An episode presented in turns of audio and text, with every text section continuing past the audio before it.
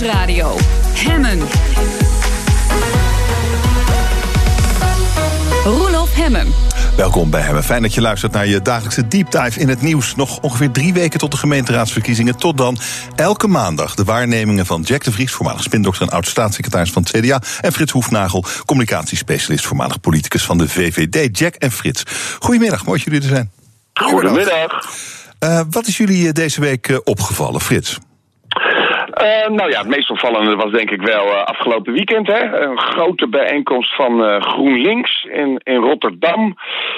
waar Jesse Klaver heeft verklaard dat hij na de verkiezingen in 100 van de 230 gemeenten waar GroenLinks meedoet, graag wil meebesturen. En hij wil dat in ieder geval in de vier grootste gemeenten van Nederland. Nou, dat is op zich een, een wel haalbare uh, ambitie, zou je denken. In, in Utrecht, grote studentenstad, uh, daar doet GroenLinks al mee. Um, Amsterdam, ook veel studenten. En daar zit toch ook wel veel van de aanhang van, van GroenLinks. Alhoewel ze daar in deze coalitieperiode nog niet meedoen. In Den Haag lijkt het me wat minder realistisch, want daar is GroenLinks een stuk kleiner. Maar het leuke is natuurlijk dat hij het ook vooral in Rotterdam wilde. En meteen zei, en we willen dat dan niet met Leefbaar Rotterdam. En we willen het ook niet met de PVV. Um, nou hebben we vorig jaar bij de landelijke verkiezingen natuurlijk Jesse Klaver in januari horen zeggen: Ik wil premier van Nederland worden. Nou, dat lukt niet echt als je 14 zetels haalt landelijk. Maar misschien dat hij met deze ambitie wel uh, iets meer uh, richting zijn gewenste resultaat komt. Ja, wethouder bijvoorbeeld. Dat is ook mooi. Uh, Jack, hoe kijk jij naar die, naar die ambitie van Jesse Klaver en GroenLinks? Nou ja, het is een, een goede ambitie. En het is altijd gebruikelijk dat de oppositie probeert natuurlijk van ook gemeenteraadsverkiezingen wel landelijke verkiezingen te maken. Want dan kunnen ze ook profiteren van ongenoegen wat er is over kabinetsbeleid. En GroenLinks ziet natuurlijk zijn kans schoon.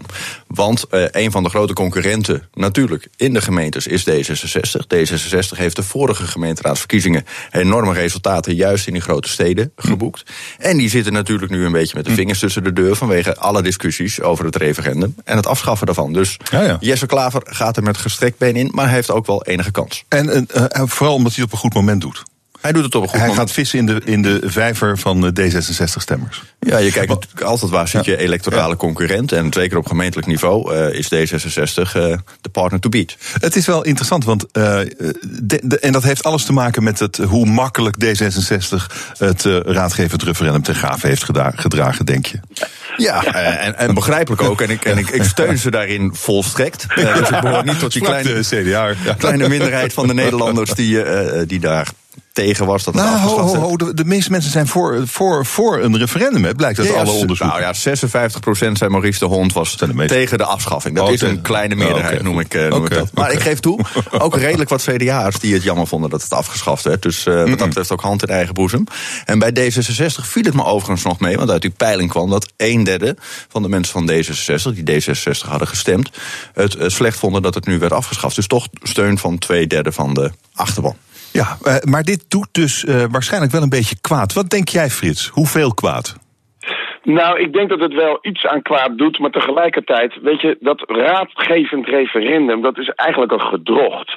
En uh, D66 is altijd. VVD, ja, oké. Okay. Ja, nee, ja, kijk, de steun van Jack voor het afschaffen van het, het, referendum is natuurlijk ook een soort kiss of death.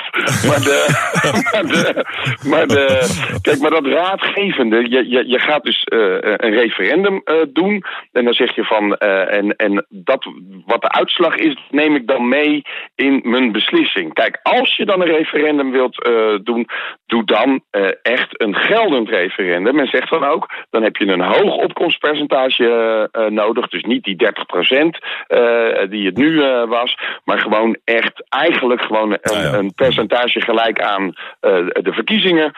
Uh, en dan zeg je van, en de uitslag telt. Dus dan, dan is het ook niet raadgevend, dan is, het, uh, dan is het gewoon geldend. En ja, kijk, die kroon, dit was een van de kroonjuwelen van D66. Nou, die kroonjuwelen, dat werd op een gegeven moment werden dat al steeds meer kreunjuwelen. En uh, dit is er nou eentje waarvan ze hebben gezegd, dit halfslachtige, dat moeten we niet doen. Ja, om eerlijk te zijn, ik vind dat wel uit te leggen, maar Ja. het doet toch wel pijn in de achterban bij Ja. D66. Ja, plus, plus je hebt het nadeel, eh, want je hoopt natuurlijk zo'n onderwerp dat dat weer vervaagt door ander nieuws. Alleen nu hebben we de omstandigheid dat tijdens deze gemeenteraadsverkiezingen we een referendum hebben over die sleepwet, hè, over alle spionage Ja, ja, eh, ja. mogelijkheden. Dus dat betekent dat D66 het nadeel heeft dat dat onderwerp referendum in de actualiteit steeds terug zal komen. Omdat we zullen kijken ook naar de discussies over het referendum over de sleepwet. Dus het wegspelen met ander nieuws gaat in dit geval lastig lukken. doet elke keer weer een klein beetje pijn voor D66.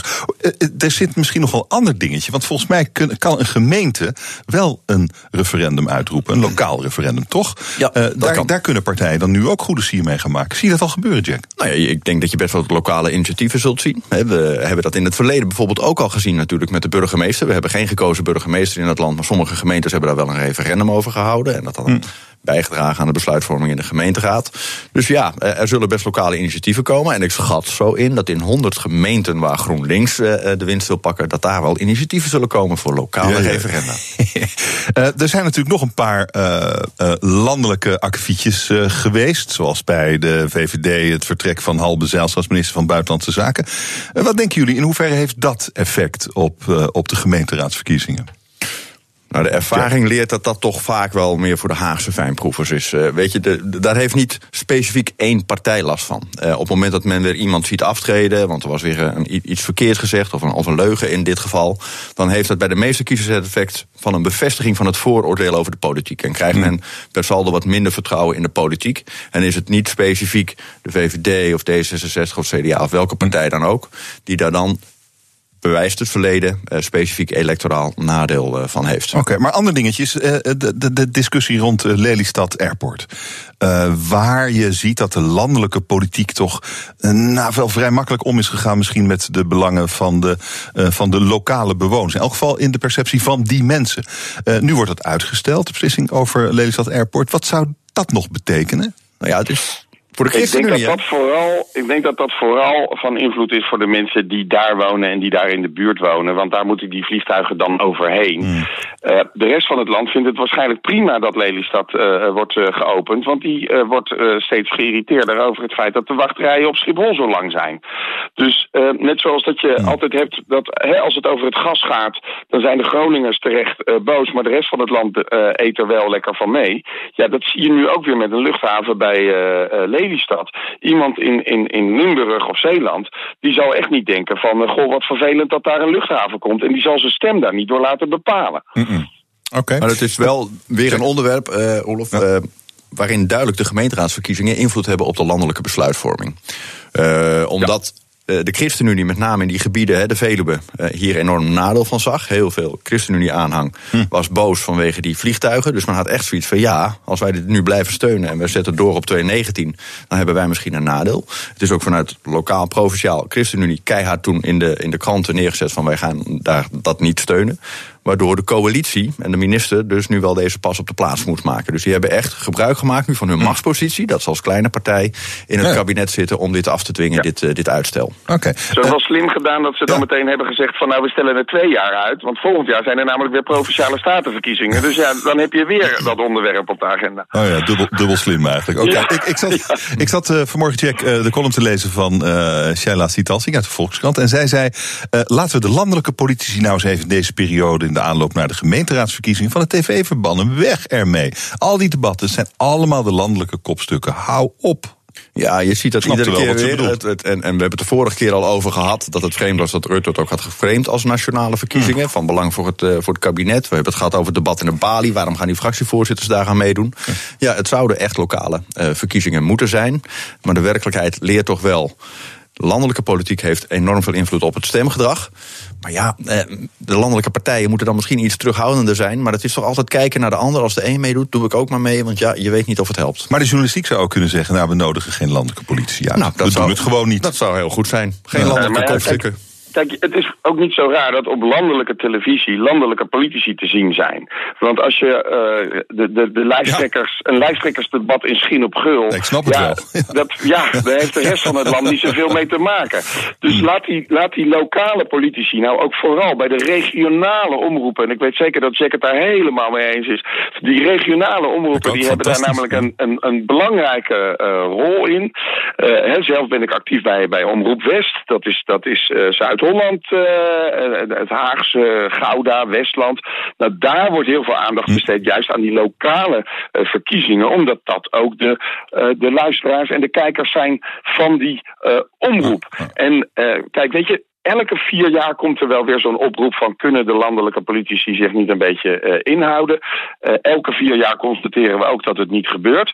Maar, dat hebben we vorige week ook geconstateerd, de grootste partij na gemeenteraadsverkiezingen de vorige keer waren de lokale partijen bij elkaar opgeteld. Ja. Dus die landelijke politici die kunnen allemaal wel op televisie uh, verschijnen. Er zijn toch ook echt wel veel mensen die kijken naar wat er in hun gemeente gebeurt, uh, wat hun politici uh, zeggen, en stemmen dan ook bijvoorbeeld op een lokale partij. En godzijdank staan er in heel veel gemeenten stemwijzers uh, online. Niet in mijn gemeente, helaas, maar dat is wel goed. Ja, jouw dat... gemeente is Zoetermeer. Nee, nee, de Bernhezen in Brabant. Oh. oh. ja, dat is ook lastig. hele, hele, Hoezo is dat nou lastig? Hele kleine steekproef. Nee, nee, dat, dat, was, dat was goed nieuws. Ik zag het inderdaad in het nieuws. Er zijn heel veel stemwijzers. Het is wel een beetje zoeken bij welke gemeente uh, past welke stemwijzer. Maar dan heb je gemeenteraad.nl en dan kun je dat uitzoeken. Ja. En dan kun je dus per gemeente bepalen waar je voorkeur ligt. Vorige keer hadden wij nog wat zorg in deze uitzending over de opkomst. We horen nu al dat 800.000 mensen geloof ik gebruik gemaakt hebben van die stemwijzer. En dat is toch wel weer mm. positief. Mm. Omdat het ook echt lokale thema's uh, zijn uh, waar je ja. op bevraagd wordt. Ik heb hem voor uh, Den Haag gemaakt. Frits, dat moet jij ook even wat kwam eruit? Uh, wat kwam eruit? Nou, ik, ik, had een, een gedeelde 1-2 positie. En de gedeelde 1-2 positie was toch VVD-CDA. Oké. Okay. Dus wat dat betreft bent een echte. ben ik ook en jij, lokaal in ieder geval wel redelijk. Ik heb, ik heb hem ook ingevuld. Uh, en, en, bij mij kwam er duidelijk uit VVD en dan de nummer 50. Dat was heel apart. Dat, dat, dat is de nummer 50 van de VVD. Die kwam er bij mij bovenaan oh. uit. En wie is dat? Dat ben ik zelf. Ja, dat dacht ik al. Jack en Frits, dank jullie wel. Tot volgende week. Oké, okay, Zometeen een 3D-printer die hele vloeren print. Dat zometeen niet. BNR Nieuwsradio. Hemmen. Van goed naar beter. Er gaat heel veel goed in ons land, maar laten we vooral ambitieus blijven. Het kan toch altijd beter. Vandaag in Van Goed naar Beter de 3D-printer. Bij Actueel, maar Actueel, moet ik zeggen, maken ze er vloeren op maat mee. En de directeur van Actueel is bij me, Hans Vermeulen. Goedemiddag. Goedemiddag. Actueel, toch? Actual. Oh, Actual. Ja, maar het wordt zo raar geschreven. Ja, dat is de A, de E en de C. Dat is de okay, architectuur, actual. engineering en constructie-industrie. Oké, okay, right. actual. Uh, jullie maken vloeren met een 3D-printer. Hoe werkt dat? We maken op dit moment vloeren en uiteindelijk gaan we hele gebouwen printen. Mm -hmm. uh, maar we beginnen met de vloer. Uh, eentje daarvan ligt op Schiphol op dit moment. En hoe dat werkt, wij kunnen eigenlijk met een robot printen wij allerlei patronen. Uh, wat je wil. Op Schiphol hebben we bijvoorbeeld een wayfinding patroon geprint. Dat brengen we naar locatie en die vullen we dan in met een terrazzo invulling. En terrazzo is een hele mooie oude technologie. En wij koppelen daar eigenlijk een nieuwe technologie van print aan toe. Terrazzo is een beetje moza mozaïekachtig, is dat Ja, terrazzo is eigenlijk de, wordt gebruik gemaakt hmm. van eigenlijk de afvalstromen van oh ja. de marmerindustrie. Die brokjes. Ja, dat dus eigenlijk het, ja, ja. combineren we en een bio-based printlijnen patroon. Dus dat is gemaakt van plantjes. Daar printen wij mee. Dat combineren we met afvalstromen uit de marmerindustrie. En dat houden we bij elkaar door een biobinder. Dus we zoeken heel erg naar hoe kan je um, door middel van 3D-technologie hoe kan je meer duurzaam produceren en dan okay. op de schaal van architectuur en op de schaal van de stad. Oké, okay, uh, ik hoor heel veel uh, hele moeilijke woorden uh, voor ingewikkelde begrippen. We gaan het voor mij even proberen simpel te brengen naar de essentie. ik wil een vloer. en ik wil dat die geprint wordt. Dan komen jullie met een enorme robot en die doet dat op locatie. Op dit moment printen wij niet bij jou in de badkamer, zullen we oh. zeggen. Want daar past die vaak niet in. Die robot is nogal groot. Oh, Oké. Okay. Um, dus je print op bestelling? Wij ja, printen ja. op bestelling on demand, ja. Oké, okay. en uh, wat voor vloeren maken jullie dan? Alles? Allerlei Alles. vloeren. Uh, en wat we voornamelijk toevoegen aan die vloer is dat je ze kan customizen. Dus je kan er je eigen patronen in maken. Uh, als jij een hele bijzondere badkamer wil of een heel bijzonder airport. Uh, en dan kan je eigenlijk kijken naar hoe je verhaallijnen kan uh, koppelen aan uh, wat je op de vloer ziet. Ja. En het materiaal is, jij zei, het, het, is, het is afval van de marmerindustrie, maar is het dan steen? Wat het wordt uiteindelijk? In de vloeren zitten inderdaad steentjes, dus dat is de invulling. Uh, en we printen met een biobased polymeer. Dat is eigenlijk een soort van plastic, maar dat is gemaakt van plantjes, van lijnzaadolie. Mm -hmm. uh, dus we gebruiken geen olie. Dat is de lijm waar die de vloer bij elkaar houdt eigenlijk. Nou, dat is eigenlijk dat het patroon en eigenlijk de mal van de ja, ja. vloer die we printen. Okay. En vanuit de vloer gaan we dan kijken hoe ga je dat naar een heel gebouw vertalen. En wat, uh, wat kost zo'n vloer per meter? Uh, zo'n vloer is op dit moment redelijk prijzig nog. Die kost ongeveer 500 euro per vierkante 500 euro, oh, dat is wel heel erg veel geld. Ja. Hoe, hoe komt dat? Dat komt voornamelijk omdat we een hele hoge uh, kwaliteit leveren die, uh, die 100 jaar meegaat. Dus over de hele tijd van de, van de vloer heb je eigenlijk een hele goede prijs. Uh, ja, maar ik, ik weet niet of ik 100 jaar meega. En, en een simpele, simpele tegel houdt het ook wel 100 jaar vol. Het is natuurlijk de technologie, denk ik toch, die erachter zit. Het is gewoon nu nog heel duur. Het is inderdaad een high-end markt ja, waar we nu ja. ons uh, positioneren. Uh, we kunnen op maat gemaakte producten maken. Dus we combineren in die, in die manier de, de high-end marges ook van op maat gemaakte producten. Maar dan met de kostprijs uiteindelijk van de industriële schaal. Omdat je, mm. nou ja, we beginnen eigenlijk met een, een hoog high-end Tesla. En uiteindelijk met als doel om uh, de hele bouwmarkt te, te disrupten en ja. te digitaliseren. Ja, die, uh, die, die ambitie is mooi. Jullie zijn begonnen met, uh, met vloeren, maar u zei al aan het begin van ons gesprek, uiteindelijk gaan we gebouwen maken. Um, wat houdt jullie nu tegen om dat te doen? We zijn vier jaar geleden begonnen met het interesseren van we gaan een grachtenpand printen hier in Amsterdam. daar zijn we door te doen, omdat de technologie op dit moment, dat moment nog helemaal niet zo ontwikkeld was, uh, zijn, dachten we, we gaan gewoon beginnen. We gaan onze eigen speeltuin van deze technologie laten zien aan de wereld. De hele wereld is langsgekomen, zo'n 50.000 mensen, inclusief Obama op een bepaald moment. Um, en vanuit een huis hebben we toen gedacht, excuus, um, we gaan naar productlijnen. Uh, uh, uh, verplaatsen eigenlijk. Oh. Omdat we dachten, we zagen dat de, de markt van grachtenpanden uh, toch een beetje een niche-markt was op wereldschaal. En we hebben het over een 12 triljoen markt, de bouw aan zich. Uh, en als je kijkt naar de vloerenmarkt, die is 300 miljard op wereldschaal. En de deurenmarkt hebben een bepaalde addressable market, om het even in het Engels te zeggen. Maar dus op die manier pellen we eigenlijk het huis af. En begon... per bouwproduct ja. lanceren we die naar de markt. En die kan je overal ter wereld plaatsen. Ja, dus nou goed, jullie beginnen nu uh, onderaan met uh, de vloer. Uh, maar is de volgende stap dan de, de muren, denk ik? Of hoe, hoe, wat, hoe, gaat, hoe gaat dat? En, en wat houdt je tegen om dat op dit moment al te doen? Ehm, niks houdt ons tegen om een heel om dus, al om, omhoog te gaan. Dus wat is dan de volgende stap nu? De volgende stap, de volgende producten die we aan het ontwikkelen zijn en gaan lanceren, zijn de gevels. Ja. Um, en met onze 3D-printtechnologie kunnen wij mallen printen. Uh, die kunnen we vullen met een beton. En dan uh, heb je eigenlijk betonnen producten. Uh, dus als je bij ons op locatie in Amsterdam-Noord komt, dan staat er al een trap. Gemaakt met deze te technologie. Maar als materiaal is dat dan beton. Oké, okay, dus maar een, uh, een mal maken met een uh, printapparaat.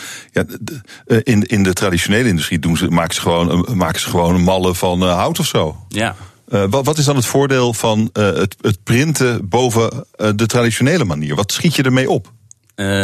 dat die ongeveer 5% goedkoper is. 5? Tug. 50% goedkoper. En het materiaal kunnen we er afhalen, kunnen we shredderen en kunnen we weer opnieuw mee printen. Okay. Dus op die manier is het en goedkoper, sneller en beter voor het milieu.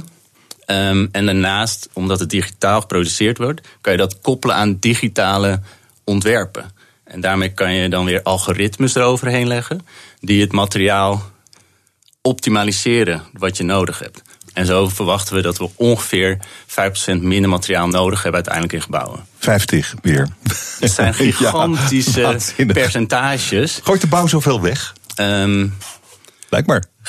Ja, over, op een normale bouwplaats in Europa ongeveer 50, 25 procent van alle materialen die naar de bouw komen, gaan niet het gebouw in, maar de afvalstroom. En dat is ongelooflijk als je bedenkt dat ongeveer 40% van alle, en het praat veel percentage nu, maar 40% van alle materialen die we uit onze wereld trekken, gaat de constructieindustrie in. En we hebben maar één planeet. Ja. Um, en wij denken dat, ja, ook, ja, dat we daar iets beter mee om moeten gaan met z'n allen. Ja, lijkt me ook. Um, en printen is dus een manier. Is een manier. Ja. En we zijn nog niet zo ver dat we de hele wereld kunnen printen. Maar bouwproduct voor bouwproduct um, komen we al heel ver. Dus wanneer beginnen jullie met gevels? Wanneer, wanneer kan ik een gevel bestellen? Um, we zijn op dit moment. Staat er eigenlijk in Amsterdam al een gevel, geheim, vlakbij Sloterdijk.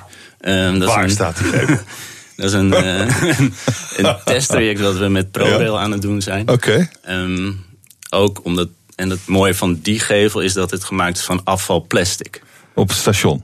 Bij het station? Bij het station. Ja, echt ja. waar? En afvalplastic als gevel. En, en wat, waaruit bestaat dan de test, wat wie weten? Um, gewoon hoe die het houdt met... Uh, Weet je, als je dingen buiten gaat zetten, dan heb je niet alleen kou deze week, maar ook uh, zon en UV. Hoe het materiaal zich houdt in, de, in het ja, weer. Hoe het, eigenlijk. het gewoon zich houdt. En okay. dat is belangrijk voor, ja, voor. En dit is plastic en het is uh, uh, afvalplastic. In dit geval is het dan weer afvalplastic, inderdaad. Want het mooie van het materiaal waar we vloeren mee maken, is dat het van plantjes is gemaakt. Maar we weten allemaal hoeveel we weggooien. Elke dag gaat, weet je, komt er heel veel afval uit een stad. We weten ook allemaal, kennen we die beelden van de plastic soep in onze oceanen. Um, dus hoe mooi is het als je met het materiaal juist weer mooie dingen kan maken. En daar zijn we mee bezig. En wanneer staat er een heel huis geprint door jullie apparaat? Um, er staat hopelijk eerder 20.000 vierkante meter vloeren en 20.000 vierkante meter gevel verspreid over de wereld. Uh, dan dat er één heel geprint huis staat. Dus wij geloven heel erg in dat de productstrategie die we nu hebben, uh, die maakt het mogelijk voor ons om nu al producten te leveren aan de markt wereldwijd. Uh, en daar zijn we lekker hard mee bezig en dat zijn we aan het doen. Ja, je, je, je wilt niet zelf aannemer worden eigenlijk? Nou, dat is een goede vraag. Um, je moet jezelf on, ja, je moet en met de bouw werken, maar de aannemerwereld is een hele interessante wereld om te verkennen. Ik denk dat het toffe is van print is dat je het maken digitaal maakt. En dus ook voor aannemers is dit een hele belangrijke stap om te kijken hoe je deze technologieën kan integreren in het maken van gebouwen. Um, en soms betekent dat dat op dit moment wij af en toe aannemers zijn en af en toe uh -uh. juist met de aannemers werken om te kijken hoe we dit het bouwen aan zich kunnen optimaliseren. Maar wat dit, wat dit van goed naar beter maakt, is dus uh, uh, dat je uh, heel weinig afval hebt, eigenlijk geen afval.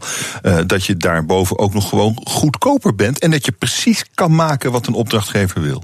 Ja, en op maat maakt. Dus het past altijd, ja, ja. waardoor je ook minder tijd kwijt bent om te bouwen. En dan is de volgende stap natuurlijk om heel veel van dat soort printers te hebben. En misschien ook printers die gewoon naar je thuis kunnen komen. Nou, je had het niet beter kunnen zeggen. En, wanneer gaat dat gebeuren? Um, we zijn op dit moment bezig om inderdaad te kijken hoe je de technologie, technologie kan schalen wereldwijd. Uh, dat is een van de redenen dat we de laatste jaar overgestapt zijn naar robottechnologie. Uh, er worden miljoenen robots gemaakt op de wereld. En wij kunnen onze technologie aan elke robotarm hangen. Zodat je, ja, zodat je elke robot kan actualiseren, zullen we maar zeggen. Ik vind het een schitterend verhaal. Hartelijk uh, dank voor het delen daarvan. Hans Vermeulen, directeur van Actual. Dank. BNR Nieuwsradio. Hemmen.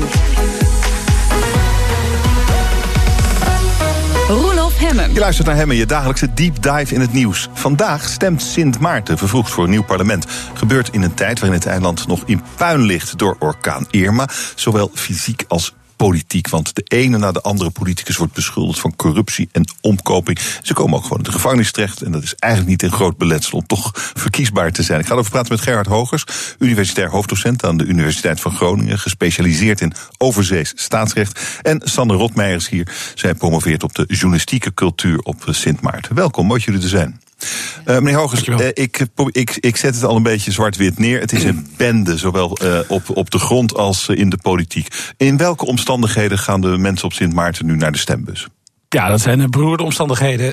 Zoals u zelf net al zei, het eiland ligt uh, fysiek nog steeds grotendeels in puin. Nederland heeft uh, 550 miljoen steun toegezegd, maar dat geld moet nog komen. Dus het meeste is, ja, de, de rotzooi is een beetje opgeruimd, maar veel van de infrastructuur is gewoon nog, nog kapot. En in die omstandigheden moeten de mensen dus nu gaan stemmen. Nou, dat is één ding. Een ander ding is de politieke cultuur op het eiland. criminele lijsttrekkers, het kopen van stemmen, noem het allemaal maar op. Beschrijf eens wat er politiek aan de hand is. Nou ja, het is, uh, een, het is een klein eiland met uh, ongeveer 50.000 inwoners. Uh, daarvan heeft nu ongeveer de helft kiesrecht. Zo'n 25.000 mensen mogen stemmen. Dus de lijnen zijn heel kort. Hè. Iedereen kent elkaar. dat is nog erger zo dan op Curaçao. En dat zorgt er ook voor dat de afstand tussen de politici en de burgers heel klein is.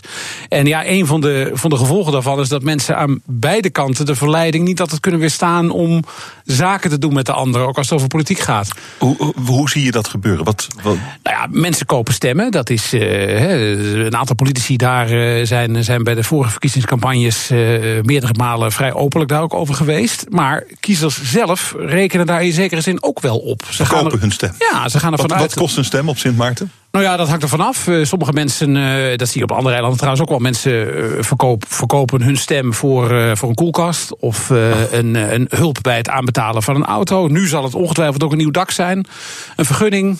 Vul maar in. En waarom doen die politici dat? Omdat veel van de mensen daar ook verwachten dat politici op die manier ook voor hun zorgen. De, de politiek gaat niet over, op die eilanden niet zozeer over abstracte idealen, maar gaat heel concreet over wie kan ervoor zorgen dat mijn leven beter wordt. En met wie moet ik dan zijn? En het zijn ook vaak hele oude patronagesystemen. Politieke partijen zijn gekoppeld aan families. En eh, veel van die families zijn oude families die op zo'n eiland al lang meedraaien. Ja. Ja, en dat zorgt ervoor dat mensen ook daarnaar kijken en verwachten dat, dat zulke mensen hen gaan helpen. Ja, maar het is verboden toch? Ja, het is verboden. Okay. Ja, ja en, op Maarten, ja. En, en, er, wordt, uh, er wordt ook regelmatig iemand voor opgepakt. Een politicus die dan ja. achter tralies verdwijnt. En daar eigenlijk gewoon doorgaat met politicus zijn. En nou ja, wat een politicus op Sint Maarten doet. Ja, nou ja, het is, laten we zeggen, veroordelingen van, laten we zeggen, de combinatie uh, de cel ingaan en dan nog steeds politiek bedrijven is nog niet voorgekomen. Oh, er is net oh weer iemand, nee, er is net weer iemand veroordeeld. En die, maar die zit nou niet meer in het parlement. Iemand anders is net weer beschuldigd. Die nu kandidaat is voor een van de grote partijen. Ah. Dus afwachten hoe dat gaat. Uh, mevrouw Rotmeijer, uw, uh, uw specialisme is de journalistieke cultuur op uh, Sint Maarten. Ja, klopt. het lijkt me geweldig om daar als journalist te werken. Of misschien ook niet, omdat het zo klein is. Wat denkt u? Ik denk dat uh, nou, eigenlijk de dynamieken die uh, de heer Hogers net beschrijft, die zie je ook terugkomen in de journalistiek. He, journalistiek is aan de ene kant uh, beïnvloedt de samenleving, maar is ook een weerspiegeling daarvan. Mm. Dus heel veel van de cultuur van je kent elkaar allemaal. het is heel moeilijk om kritisch te schrijven natuurlijk op het moment dat de politicus niet alleen iets voor jou kan betekenen, maar bijvoorbeeld ook jouw neef is of de broer van jouw vriendin. Um, de relaties zijn heel close op elkaar, waardoor het heel moeilijk is om, om kritisch te schrijven. Is er is er kritische journalistiek op Sint Maarten? Er is wel een krant. Dat, nou ja, in dit geval, want uh, de situatie nu voor de media is echt heel zwaar. Dat komt omdat de adverteerders uh, ja, er eigenlijk niet meer zijn, omdat de hele economie op zijn gat ligt na de orkaan Irma uh, vorig jaar september. Dus het hele land is nog in wederopbouw. En dat maakt het heel erg ingewikkeld om als media te functioneren als jij geen inkomsten meer hebt natuurlijk. En op dit moment uh, is het zo dat er nog maar één functionerende krant is. De andere krant die er was, die, um, ja, die, die is opgehouden te bestaan. En je hebt een aantal bloggers, mensen, kritische individuen... Mm. die via online media toch hun stem proberen te drukken op dat nieuws. Okay, maar je zou eigenlijk wel kunnen zeggen dat, uh, dat uh, kritische, goed geëquipeerde journalistiek ontbreekt op, op Sint Maarten. Ja, en daarbij is het ah. wel verstandig om te zeggen van hè, dat heeft een heel een aantal factoren die daaraan ten grondslag liggen. Dat is die kleinschaligheid, waardoor iedereen elkaar kent. Het heeft ook heel erg te maken met een cultuur. Uh, waar de heer Hogers het net ook over had, van patronage, van cliëntelisme, waarin constant uh, ja, maar, ja, dingen maar, uitgewisseld worden. Maar, ja, maar wat, wat is het effect van het ontbreken van, van nou ja, de vorm van journalistiek zoals we het hier kennen, dat, dat toch een, een grote mate van onafhankelijkheid in zich heeft en waardoor je ook gewoon kritisch kunt zijn. Je hoeft niet bang te zijn. Um, het, Ja. Dat ontbreekt daar. Wat is het gevolg daarvan voor die maatschappij? Wat ziet u? Het gevolg daarvan is eh, enerzijds dat er heel veel eh, problemen kunnen blijven bestaan. Dat politici en zeker de machthebbers op het eiland niet kritisch bevraagd worden. Een ander gevolg is dat de cultuur van angst en van je niet kritisch uitspreken eigenlijk in stand gehouden wordt. Op het moment dat media niet die voortrekkersrol neemt om een kritische stem te laten horen en te laten zien aan de bevolking: kijk, wij kunnen dit. Ja. Uh, laten we kritischer zijn. Ja, dat betekent dat die, die, die, die politici, de, de foute politici, gewoon hun gang kunnen blijven gaan. Zijn er goede politici op Sint Maarten, meneer Hoger? Ja, zijn er goede politici? Zijn er goede politici in Nederland? Uh, wil, het, het is, um, ja, dus uh, laat ik de vraag anders stellen. Zijn er eerlijke uh, politici op Sint Maarten? Maar misschien politici die zich aan de wet houden dan? Dat we dat dan proberen te bekijken. nou ja, het grappige is, de, de, de wetgeving op Sint Maarten gaat op een aantal punten aanzienlijk verder dan de wetgeving in Nederland. Waar het gaat om het, om het tegengaan van, van nou ja, partijverstrengelingen, belangenverstrengelingen. Ja. Mensen die familie van elkaar zijn, mogen niet samen in het parlement zitten. Uh, Sint Maarten heeft in zijn grondwet staan dat wie uh, veroordeeld is, onherroepelijk voor een strafbaar feit, waar een gevangenisstraf van, dacht ik, meer dan drie jaar op staat, die mag niet meer in het parlement zitten. Mag ook geen minister worden. He, dat soort dingen hebben wij niet in onze, onze grondwet staan. Sint Maarten wel. In die zin zijn er wel een aantal mechanismen op het eiland aanwezig om ervoor te zorgen dat het niet al te erg uit de hand loopt. En nou ja, Nederland kan op de achtergrond ook nog wel een rol spelen. Ja, want wie heeft die wet gemaakt eigenlijk? Ja, formeel Sint Maarten zelf, maar in feite is hij gemaakt hier in Den Haag bij BZK. Ja, ja, ja, ja, ja, oké. Okay. Uh, uh, het schijnt ook zo te zijn dat politici op Sint Maarten vrij veel geld verdienen. Zeker uh, als je de, de, lokale maatstaven in aanmerking neemt. Ja, ze verdienen per maand meer dan parlementariërs op Aruba of, of Curaçao. Dus en ook meer dan Nederlandse parlementariërs. Zeer gewilde baan. Het is een zeer gewilde baan, ja. Dat werkt natuurlijk ook dat problemen waar we het over hadden in de hand. Ja, politicus zijn is lucratief. Hè. Je bouwt ook heel snel pensioen op. Uh, dat, dat, uh, en dat pensioen, dat, hè, binnen een paar jaar kun je al aan, een, aan, gewoon aan je pensioenpercentage zitten. En als je dan nog een keer politicus bent, dan gaat dat dus nog een keer over de kop. Hè, er zijn mensen die hebben daar vier, vijf pensioenen. Dat is ook uh, natuurlijk nou ja. buitengewoon aantrekkelijk om, om dat te doen. Ja. ja, maar het is ook het recept voor, voor de ellende die u beschrijft. Die ja. jullie beschrijven. Ja. Um, Oké, okay. we, zien, we zien dat ook een beetje terug in de recente geschiedenis van Sint Maarten. Want dit is geloof ik al is sinds de onafhankelijkheid in, in 2010 het zevende kabinet. Ja. Hoe kan dat? Hoe kan dat? Dat is ja. een goede vraag. Daar liggen heel veel factoren aan ten grondslag. Ik, ja, ik denk dat in 2010, toen uh, Sint Maarten een autonome status kreeg binnen het Koninkrijk der Nederlanden, uh, voor die tijd was eigenlijk Curaçao. Uh, de trekker van uh, de Nederlandse Antillen. Uh, zij hadden een institutioneel raamwerk wat in die zin wel wat ontwikkelder was dan op Sint Maarten. Dus Sint Maarten moest vanuit niets ineens een land gaan regeren. Uh, dat heeft ten gevolge gehad dat de, dat de situatie heel instabiel is uh, binnen politiek, maar eigenlijk alle instituties die zo'n samenleving zouden moeten vormen. Mm. Um, dus ik denk dat dat eigenlijk al de, de, de basis was. Ja, ja. Te snel. te snel, te, te abrupt eigenlijk. De, de, de, de, lokale politiek op Sint Maarten is ook ongeveer 40 jaar lang gedomineerd geweest door meneer Botti. Uh, ja. die, uh, hij is nu overleden, maar er is de megapier waar de cruiseschepen normaal gesproken aanleggen, is naar hem genoemd. En zijn kleinzoon is de leider van een van de grootste politieke partijen. Dus die familie speelt nog steeds een hele grote rol. Ja, het wegvallen van, van meneer Botti heeft ook gewoon tot instabiliteit geleid. Hij was gewoon in zijn eentje de chef van dat eiland, 40 jaar lang. En um, het is ook, kijk, zeker vanuit Nederland is er ook eigenlijk altijd de gedachte geweest dat Sint Maarten gewoon te klein is om een zelfstandig land te zijn. Maar ja, de bevolking heeft, heeft in een referendum daar wel voor gekozen. En dan zit je daar dus ook vanuit het volkenrecht wel min of meer aan vast. Als dat de keuze van de bevolking is, dan kan Nederland eigenlijk niet goed zeggen: gaan we dus gewoon niet doen. Maar wat is het alternatief? Een Nederlandse bestuurder op het eiland. Ja, weet je, dat, dat, dat, dat proberen we nu natuurlijk een tijdje op Sint-Eustatius. Is de vraag of dat is trouwens nu niet eens een Nederlandse, nog een Curaçaose bestuurder. Maar goed, die van het Nederland heen gestuurd wordt. Ja, dat zou ook niet werken. Je kunt niet daar 40 Nederlandse ambtenaren heen sturen en dan verwachten.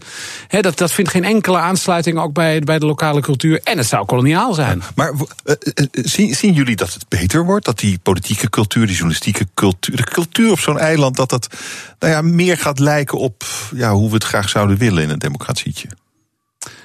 Nou ja, in sommige opzichten, kijk, democratisch gezien verloopt het wel aardig. Ik bedoel, je kunt, je kunt moeilijk zeggen dat de wil van de bevolking op geen enkele manier aan de orde komt. Hè? De lijnen tussen de politiek en ja, ja. de burger, er is geen, uh, geen kloof tussen burger en politiek daar. nee, zoals, tegendeel, ja. Nee, het is meer rechtsstatelijk dat het probleem is. Ja. Handhaving van de wetten en zo, dat is, uh, ja, wordt dat beter? Ja.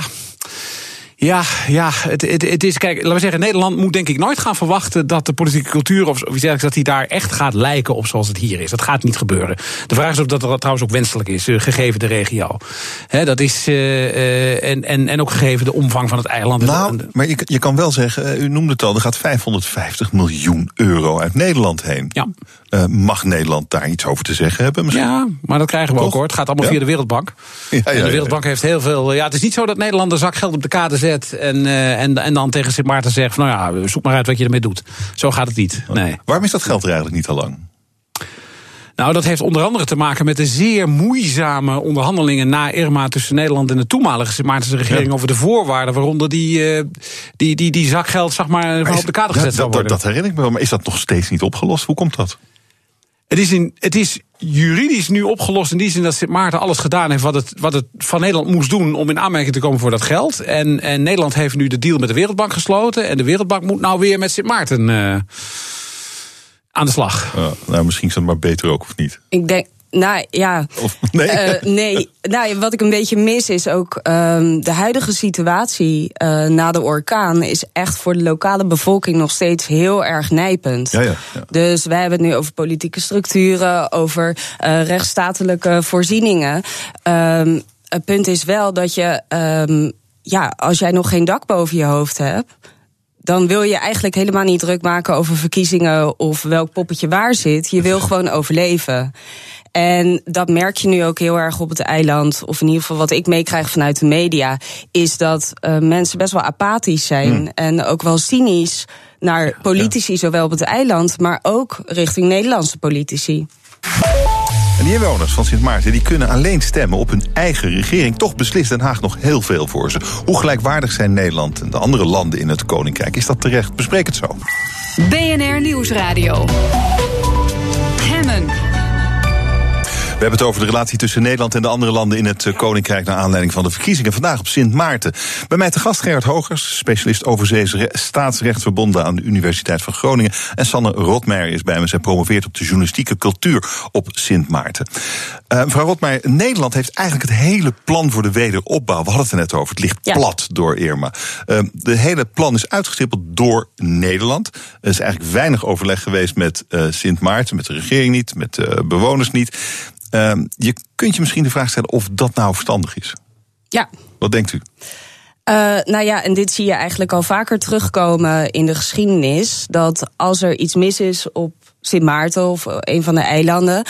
Uh, en in dit geval was dat Irma, dus er was ook geen communicatie mogelijk. Hè. Er staat een machtsvacuum.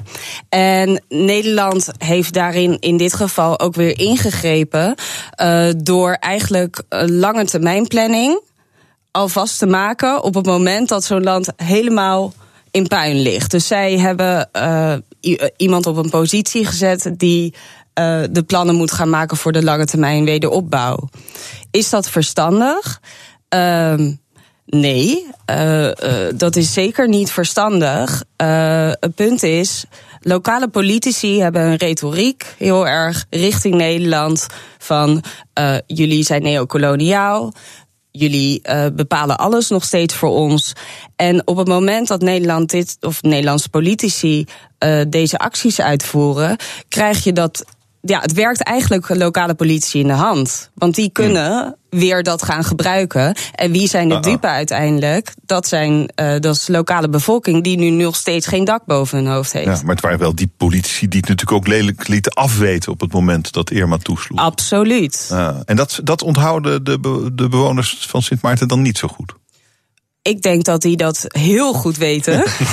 ik denk Ja, dat dat die dat wel, heel ja. goed Oh. weten. Ja, ja. Het punt is alleen dat. Uh, Kijk, als jij gewoon hulp nodig hebt, dan maakt het ook in dat geval niet heel veel uit waar het precies vandaan komt. En dat uh, de lokale bevolking ook erg baalt van hun eigen politici, dat is één ding wat uh, vaststaat. Ja, ze hebben geen andere. Misschien is dat wel een probleem, meneer Hogers. Want uh, ja, we hadden het net al een beetje over de democratie op zo'n heel klein eilandje. het is, we stellen nu wel vast dat heel veel op dat eiland wordt bepaald, is bepaald door moederland Nederland. Terwijl die mensen alleen maar op die parlementariërs van het eiland mogen stemmen. Ja. Zou zou, is dat eigenlijk, klopt dat eigenlijk wel? Ja, dat, dat is een, een, een discussie die al ongeveer zo lang loopt als dat het statuut voor het Koninkrijk, hè, wat onze betrekkingen met de eilanden in de West uh, regelt, uh, van kracht geworden is. Hè, dat, uh, want ja, de Nederlandse Tweede Kamer en de Nederlandse Eerste Kamer en de Nederlandse regering hebben wel redelijk, nou ja, op een aantal punten redelijk veel te zeggen over wat daar gebeurt. Ja, dat is politieke macht over die mensen waar die ja. mensen zelf niets nee. over te zeggen hebben. Nee, nee. Die zouden eigenlijk moeten kunnen meestemmen met Nederland. Ja, en dat is toen uh, met Vindt, u, vindt, vindt u dat ook? Nou ja, het, het, het, punt is een beetje dat als je het. Kijk, we halen dat experiment nu natuurlijk uit met Bonaire, Sint-Eustatius en Saba. Die, die horen nu bij Nederland. Dus mogen de mensen daar stemmen voor de Tweede Kamerverkiezingen. Ja, maar ze andere staatsrechtelijke inbedden. is waar, maar goed, zij mogen dus nu stemmen. Ze hebben er alleen geen enkel interesse in. De opkomst bij de Tweede Kamerverkiezingen op Bonaire is 20 procent. Dat zegt die mensen werkelijk helemaal niets. Hè. Nederlandse politieke partijen zeggen ze niks. De eigen lokale volksvertegenwoordiging met de eigen lokale partijen, dat zegt ze iets. En dus ja, wat als, als, als Sint Maarten mee zou mogen stemmen, ja, wat levert dat dan op? Een derde zetel hè? in de Tweede Kamer met 20.000 kiezers. Je kunt je afvragen wat voor effect dat nou zou hebben op de, op de Nederlandse politiek als ze wel mee zouden mogen stemmen. Ja. Je hebt voor een zetel ja, in Nederland 60.000 ja, ja. kiezers nodig. Nou ja, als zij mee zouden stemmen, maken ze dus een derde zetel uit. Ja. Nou in elk geval zou je kunnen zeggen, er is dan wel vertegenwoordiging. Ja, dat zou waar zijn. Uh, ja. En uh, goed, ja, je zou natuurlijk uh, gemeenteraadsverkiezingen. Ja, nou goed, het is geen gemeente nee, van Nederland nee, natuurlijk. Nee. Oké, okay, dus dit blijft gewoon zoals het is. Ja, en, wanneer, en wanneer wordt het dan beter? Um, nou ja, jaren geleden heeft een, een oud ambtenaar van het ministerie van Binnenlandse Zaken een boek geschreven, De Werkvloer van het Koninkrijk. En daar schrijft hij in: We zitten met z'n allen in de gevangenis en Aruba heeft de sleutel weggegooid. Dus wanneer wordt het beter? Ja, het, het statuut is in zekere opzicht een onmogelijke constructie. We zouden het ook nooit weer zo doen als we het over moesten doen. Maar we hebben het nou eenmaal in 1954 zo gedaan. En uh, we kunnen het alleen veranderen als zij eraan mee willen werken. En dat willen ze niet. Hmm. Dus, ja, uh, ja. En ik, ik zou ook willen zeggen: uh, kijk, er wordt heel weinig gedacht vanuit gezamenlijkheid binnen dat koninkrijk tot nu toe. Dus wat je heel veel ziet is dat het is constant Sint Maarten ten opzichte van Nederland. Maar eigenlijk zijn dat de Sint Maartense politici ten opzichte van de sommige Nederlandse politici. Dus die retoriek, ja. die politieke retoriek gaat eigenlijk ten koste maar van de lokale bevolking. Hoe verander je dat? Nou, uw, uw, specialiteit, journalistiek, daar op dat eiland. Ja. Bijzonder onderwerp trouwens. Maar dat, dat is uw specialisme. Hoe kan dat iets bijdragen? Ik denk het wel op het moment uh, dat zij uh, uh, de middelen hebben. En daar, daar moet aan gewerkt worden. Om een meer kritisch geluid te laten horen. En dan niet alleen ten opzichte van die lokale politici, want dat moet sowieso gebeuren. Maar ook richting het Nederlandse beleid. En ik denk, uh, ja, daar moeten fondsen voor vrijgemaakt worden. Er is nu wel een noodkreet geweest vanuit een aantal journalisten op het eiland om uh, nou ja, via de Nederlandse regering geld vrij te maken. Er is ook een benefiet georganiseerd van Nieuwsport uh, een paar weken geleden. En, uh, maar dat is niet genoeg. En het is ook de vraag of de Nederlandse overheid hierin een rol zou moeten spelen. Natuurlijk, als je bekijkt hoe je uh, journalistiek onafhankelijk wil ja, maken. De belastingbetaler betaalt ook voor het NOS Journaal. Ja, in, dus in die zin zou dat een, een optie zijn. Maar het kan via heel veel wegen. Je kan ook fondsen aanspreken. Mm-hmm. Maar die fondsen zijn vaak nu in Nederland, journalistieke fondsen, voor, het ne voor Nederland. Ja. En niet voor landen binnen het Koninkrijk. Ik denk hier kan wel uh, aan gewerkt worden om te ja. kijken van hé, hey, hoe kunnen we vanuit het Koninkrijk gaan denken en niet vanuit Nederland versus Sint Maarten. Mm. Uh, meneer Hogers, het zijn verkiezingen vandaag. Wie gokt u dat er gaat winnen? Ik gok dat de combinatie van mevrouw uh, Westcott Williams en meneer Heiliger, dat is de nieuwe United Democrat Party, dat die uh, de grootste partij uh, zullen worden. Ja, denkt u dat ook, mevrouw Rotmeijer? Het is heel ja. moeilijk om, om iets van te zeggen. Ook omdat er zijn 25.000 stemgerechtigden. Maar niemand weet hoeveel mensen daar eigenlijk daadwerkelijk op hm. het eiland wonen. Uh, want er zijn heel veel mensen weggegaan na uh, de orkaan Irma. Dus wat dat betreft, ja, het is echt heel moeilijk om er iets van te uh, zeggen. En die combinatie meneer Hoog, zou dat goed of slecht zijn? Nou, het is één partij, dus ik hoop niet dat ze in eentje de meerderheid krijgen. Nou, want dan, dan okay, dat, dat ja. vergroot de ellende waarschijnlijk. Nou ja, we gaan het zien. Over een tijdje hebben we de uitslag. Hartelijk dank uh, voor jullie uitleg. Uh, Gerard Hogers, als specialist overzee staatsrecht... verbonden aan de Universiteit van Groningen... en Sanne Rotmeijer promoveert op de journalistieke cultuur op Sint Maart. Dank jullie zeer. Rechtszaken. Het is maandag, dus tijd voor de zaak van de week. Advocaat Sebas Dijkstra is bij me. Sebas, welkom. Dank je. Uh, we gaan het hebben over de Russische roulette-moordzaak. Waarom en wat is dat voor een zaak? Ja, allereerst, de Russische roulette-moordzaak uh, is een, met name een interessante zaak, omdat die bewijstechnisch uh, nogal moeilijk bleek te liggen. En waar gaat het om? In mei 2012 wordt Nathalie van Poelgeest dood aangetroffen in de woning van haar moeder in Lelystad. En ze heeft een kogel in haar hoofd. En ehm, uiteindelijk wordt er iemand aangehouden. ehm, en die verdachte die verklaarde tegenover zijn stiefmoeder, want het is eigenlijk het enige moment dat hij echt iets heeft verklaard in deze zaak, dat het om een ongeluk zou gaan, dat ze met een wapen zouden hebben gespeeld. Daar komt dat Russische roulette natuurlijk vandaan. En dat het wapen toen plotseling afging. Nou, het OM eiste 12 jaar cel. Ehm, vast werd gesteld door de rechtbank dat de verdachte aanwezig was toen het schot afging. Maar de rechtbank spreekt vrij. En eh, de rechtbank zegt eigenlijk: wij kunnen niet opmaken in deze zaak wat eh, de rol van de verdachte is geweest. Dus met andere woorden, heeft Ja. hij haar door het hoofd geschoten? Heeft ze dat zelf gedaan? Ehm, Ja, dat is natuurlijk lastig vast te stellen. Hoewel, eh, eh, er zijn twee personen, één wapen, één kogel, één dode. Ja. Je, zou, je kunt toch, je kunt toch aan het. Aan zo'n, wapen laat toch sporen na. Het, bedoel, daar, Die daar, zijn niet- daar is toch heel veel uit te halen. Ja, forensisch is dat niet vastgesteld. Oh, wat, wat het heel moeilijk maakt, en daar, daar, zal, daar zullen veel mensen in de maatschappij natuurlijk heel ja, soort van buikpijn van krijgen. Hij heeft gezwegen tijdens het onderzoek, tijdens de zittingen.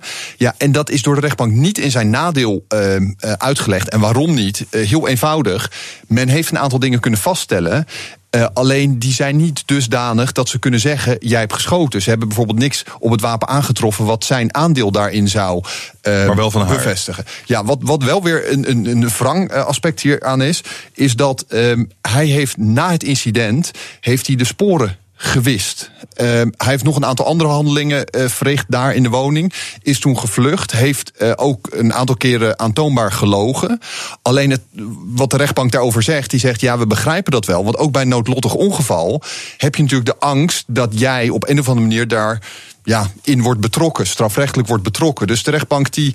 Ja, ja, die- maar als je vervolgens ook je mond blijft houden, blijft zwijgen Ja. al die jaren. Ja. Dat, dat, het is, het is, la- laat ik het zo zeggen, er zijn mensen voor minder veroordeeld. Ehm, en dat, dat is in deze zaak. En het is 2012. Ehm, voor de nabestaanden is het natuurlijk een hel geweest. Want ja, eh, ze hebben geen antwoord gekregen op wat is er nou eh, die minuten eh, gebeurd voordat Nathalie is overleden.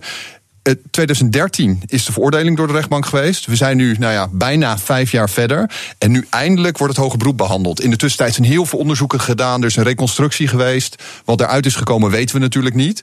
Maar dat zullen we aanstaande donderdag eh, in Leeuwarden... zal dat natuurlijk eh, uitvoerig worden besproken. Eh, ja, oké. Maar eh, de, de eis was Twaalf jaar. 12 jaar en Ja. het werd nul. Het werd nul. En nu is de vraag of het nou ja, toch weer een gevangenisstraf moet Ja. worden. Maar is er dan iets veranderd in de tussentijd? Zou dit toch kunnen leiden tot nou ja, bijvoorbeeld 12 jaar gevangenisstraf? Ja. Dat zou toch ook Ja, merkwaardig kijk, zijn? wat, wat, wat we heel vaak in de praktijk zien, is dat eh, bijvoorbeeld zo'n rechtbank die nu eigenlijk zegt: het zwijgrecht is een recht. Dat mag niet zomaar tegen je worden geworpen. Of, of in ieder geval tegen je worden gebruikt en in je nadeel worden uitgelegd. Maar er zijn voldoende eh, eh, rechters die ja, in, in een soortgelijke situatie eigenlijk zeggen: nou ja, je hebt gezweegd, je hebt een paar keer gelogen, we vinden je onbetrouwbaar. Dus wij gaan ervan uit dat jij eh, de hand in haar dood hebt gehad. Ja, maar dat is ook, lijkt me ook riskant. Ja, maar, maar kijk, aan de andere kant. Vind je dat ja, niet? Jij bent nee. Nee, nee, nee, nee, maar, ja, nee, maar ik zie het van alle kanten. Kijk, ik, ik vind dat mensen het recht moeten hebben om te zwijgen. Dat is gewoon een. een, eh, ver- de- onder het mom van een eh, eerlijk proces, een fair trial, heb je dat recht. Alleen er zijn natuurlijk situaties die schreeuwen om uitleg. En dit is natuurlijk zo'n situatie. Hij heeft de sporen direct daarna gewist. Je kan zeggen, ja, in een stressreactie, noodlottig ongeval kan ik dat begrijpen. Maar ja, eh, waarom zou zij zomaar zichzelf. Neerschieten? Dat is dan even de, de, de logische vraag die men er tegenover stelt. Ja, omdat ze een stom spelletje aan het doen waren en het wapen niet gecheckt hadden. Ja, maar als je deze zaak natuurlijk, als je deze zaak nu als leidraad gebruikt. Ah. en jij, jij, jij bent samen met iemand in de kamer, je schiet hem door zijn hoofd, je wist alle sporen en zegt: ja, we waren een spelletje aan het spelen. Kijk, dit is, kijk, het is natuurlijk ook zoiets waar de rechterlijke macht zoiets heeft van: ja, we kunnen dit niet zomaar accepteren zonder dat er een uitleg, een, een, een redelijke uitleg is. En het belangrijkste is, hij heeft natuurlijk over een aantal feiten gelogen en gedraaid. En de vraag is: het gerechtshof Heel- Leeuwarden is- staat niet bekend als het meest, eh, nou, hoe moet ik dat zeggen, lieve gerechtshof. Aha. Ja, die zal hier natuurlijk eh, heel, eh, maar dan ook heel nauwkeurig eh, onderzoek naar gaan doen. Met misschien een totaal andere eh, Ja. eindconclusie. Maar dat weten we nog niet. Fascinerend. De Russische roulette-moordzaak. Donderdag het hoge beroep. Dankjewel eh, voor je uitleg. Sebas Dijkstra, advocaat bij Dijkstra van der Laan Advocaten. Dank je zeer. BNR Nieuwsradio. Hemmen.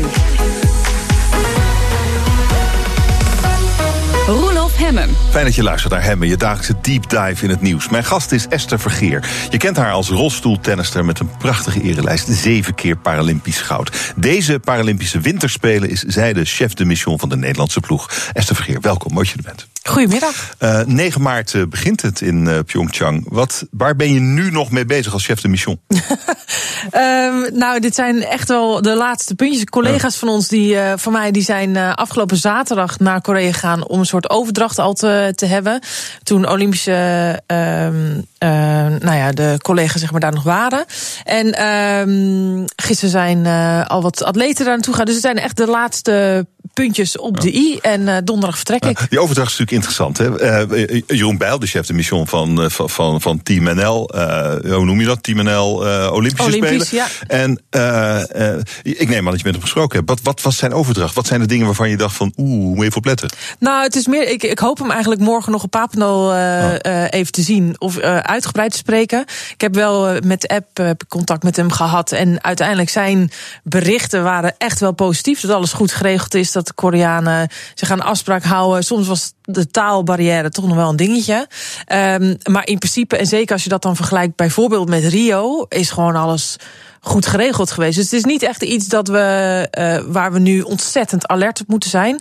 Uh, maar het is wel zo dat we nou ja, moeten kijken hoe de Olympische Spelen en het dorp bijvoorbeeld uh, wordt achtergelaten. En hoe wij dat zo snel mogelijk kunnen omturnen in goed. iets positiefs, zeg maar, voor de, voor de Paralympische Spelen. Wow, dit, hoe het wordt achtergelaten ja, en of we het kunnen omturnen nou, tot iets Wat verwacht je dan? Nee, maar ja, nou, dat is meestal toch wel een dingetje. Ja? Als de Olympische sporters het dorp verlaten, dan wordt alles uit de handen uh, laten vallen. En dan uh, is iedereen ineens weg. En dan is de spookstad. En dan is het wel de bedoeling dat zodra de Paralympische atleten daar binnenkomen, dat het weer netjes uh, en compleet, zeg maar. En alles weer heel open ja. gaat. Hoe was dat in Rio dan? Nou, um, uh, een uitdaging. Uh, ja. bende? Ja, een bende. Ik, ik, ik, ik, ben toen ja. mee geweest als, als uh, assistent-chef de mission. Mm -hmm. En um, ja, dat was wel. Ja, je moet gewoon even goed schoonmaken. En uiteindelijk was in Rio natuurlijk ook al wat uitdagingen binnen het dorp zelf. Met wat aansluitingen en wat rio, riolering, zeg maar, wat nog even goed doorgespoeld moet worden. Nou ja, dat soort dingen. Um, ja, daar moet je gewoon daar moet je op letten. Dus dat kan betekenen dat je toch ook wel met, met de schrobber even in de hand het dorp door moet. Ja, uh, dat ja, is dus ook het werk van chef de mission. Dat, dat, dat, ga jij toch niet doen? Nee, nou, als het moet wel. Nee, maar serieus. Ik denk ja? dat ik weet dat het heel belangrijk is dat als sporter wil je daar allemaal niet zorgen over maken. Dus je wil ja, dat, dat het gewoon goed zit. Um, en ja, ik ben ervoor ook uh, om ervoor te zorgen dat dat dus ook gewoon goed geregeld is. Dus als het moet, dan uh, zeker. Ja, want tijdens de spelen, je, je bent eigenlijk de grote regelneef dan, toch? Als chef de mission. Ja, dat is het. En als het goed is, hoef ik heel weinig te regelen.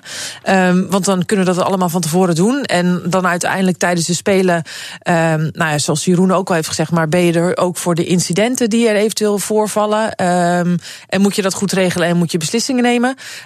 en anders ben je de schouder of, uh, of de persoon die het hardst klapt. Maar, maar je hebt natuurlijk, het, is, het is niet nieuw. Je, je bent al drie jaar assistent chef de mission, toch? Nou ja, of, Rio was mijn eerste was mijn rol eerste... als uh, assistent, ja. Ah, Oké. Okay. Dus dat was in 2016. Ja. En nu ben ik dan, uh, ja, nu ben ik dan de chef de mission, dus dan zou ik uh, eindverantwoordelijk zijn. Ja. ja, nou is dat toch heel anders? Nou, het voelt wel anders. Ik vind dat toch wel best wel spannend. En met name omdat je je moet voorbereiden op dingen die je niet kan voorbereiden. Dus die voorvallen die er eventueel gaan komen en waar ik dan de laatste beslissing over mag of moet nemen. Um, ik weet niet welke er gaan komen. Dus ja, dat vind ik spannend. Ja, chef de mission, die, nou, je kan mensen naar huis sturen als ze bijvoorbeeld een glas bier gedronken hebben of zo. Bijvoorbeeld, dat zijn dingen die dat, uit, dat in het verleden kunnen. zijn gebeurd. Ja. Uh, heb, heb je, wat, was er, wat was er met de Paralympics in, in Rio aan de hand? Niks toch? Nou, nee, de Paralympische ploeg is tot nu toe voorbeeldig. En, uh, ja. nee, dus wat dat betreft uh, um, zijn er nog geen spannende dingen nee, nee. geweest. Maar je hebt natuurlijk altijd medisch gezien. Of nou ja, net als Niek bij de Olympische Spelen, als die, die is gevallen, arm gebroken. Moet je toch wel dingen regelen. Um, dus dat kan voorkomen. Hmm. Um, er gaan uh, negen atleten. Ja. Uh, daar, daarmee is het, uh, geloof ik, de grootste missie. Ooit, hè? Voor de Paralympics, ja. toch? Ja. Uh, hoe komt dat? Nou, um, uh, vier jaar geleden was het een ploeg van zeven. Uh, daarvoor was het een ploeg van één. Dus je ziet echt wel sterke groei in aantal atleten. Mm. Maar ook de kwaliteit van atleten is wel gegroeid. En ik denk met name dat dat komt door de, de, de goede talentenprogramma's die de NSKV, dus de, de bond, heeft, nou ja, um, heeft opgesteld.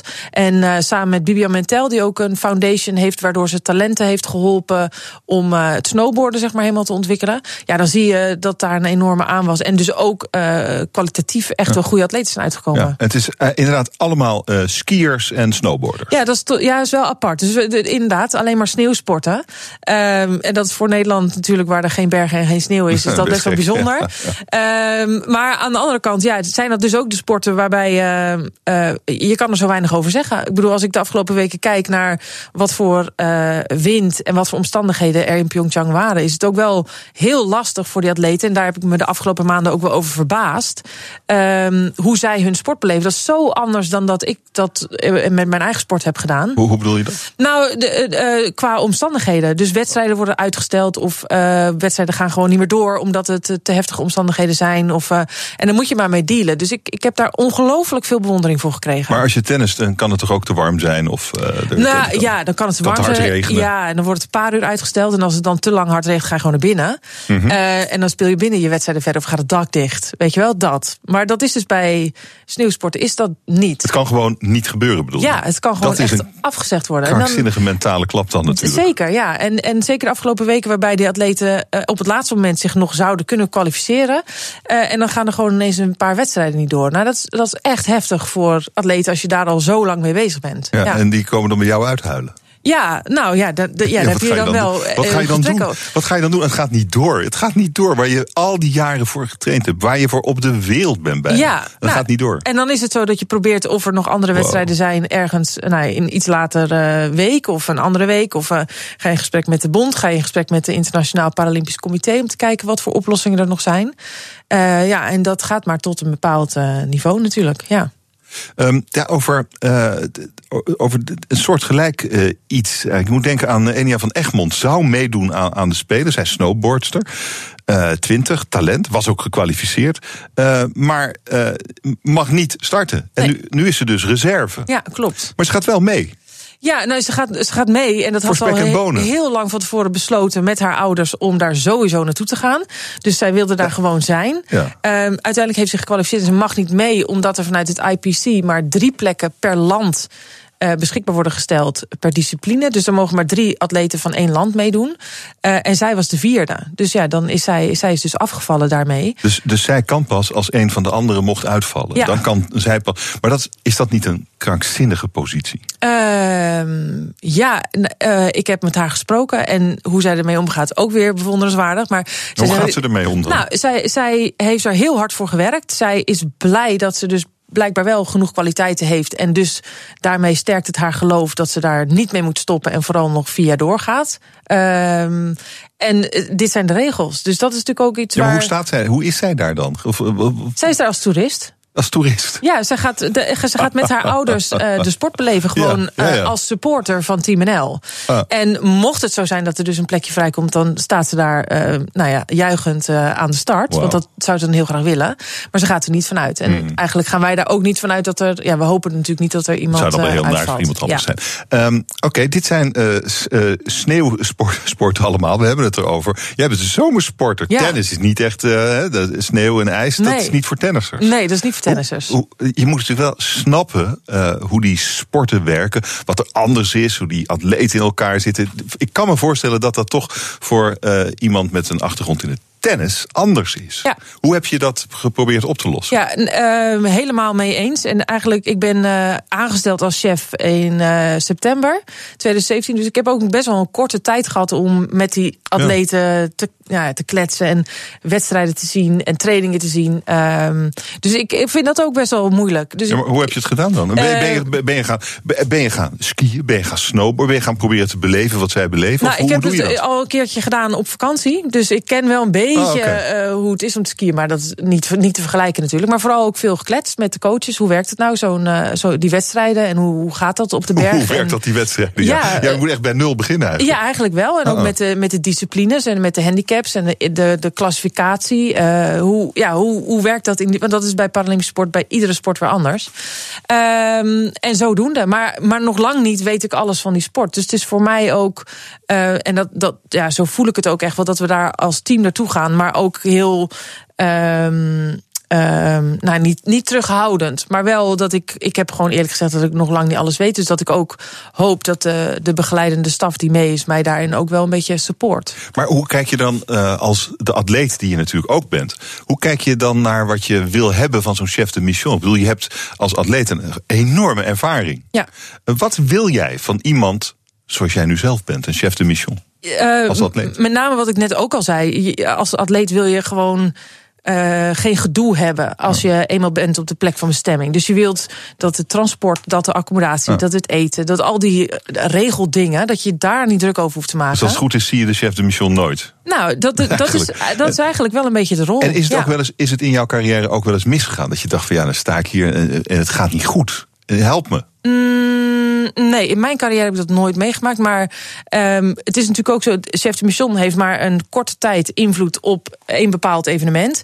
En als het goed is, heb je als atleet samen met je bond en je eigen team om je heen, heb je het ook al wel geregeld zoals jij het wil hebben. Um, dus je moet niet helemaal afhankelijk zijn van die chef de mission. Nee, nee. Wat vind je leuker, ski of snowboard? om te doen of om te kijken? Nou, ik weet niet wat je wil. Nee, nou, maar dat is dus ook een ding. Uh, ja, je, uh, je kan onderaan de berg kan je staan ja. en afwachten wanneer ze naar beneden komen. Maar de hele sportbeleving, zoals je een zomersport meemaakt, langs de kant van, de, van, van het veld of van de, van de. Weet je, dat maak je niet anders. mee. Het is, dit is een paar seconden die je per atleet ziet. Ja, dat is echt anders. Je moet eigenlijk tv kijken. De, je gaat heel veel op schermen kijken, dat heb ik ook gehoord. Ja. Zometeen praat ik met chef de mission Esther Vergeer over waarom de Olympische en de Paralympische Spelen eigenlijk niet tegelijkertijd plaatsvinden. BNR Nieuwsradio. Hemmen.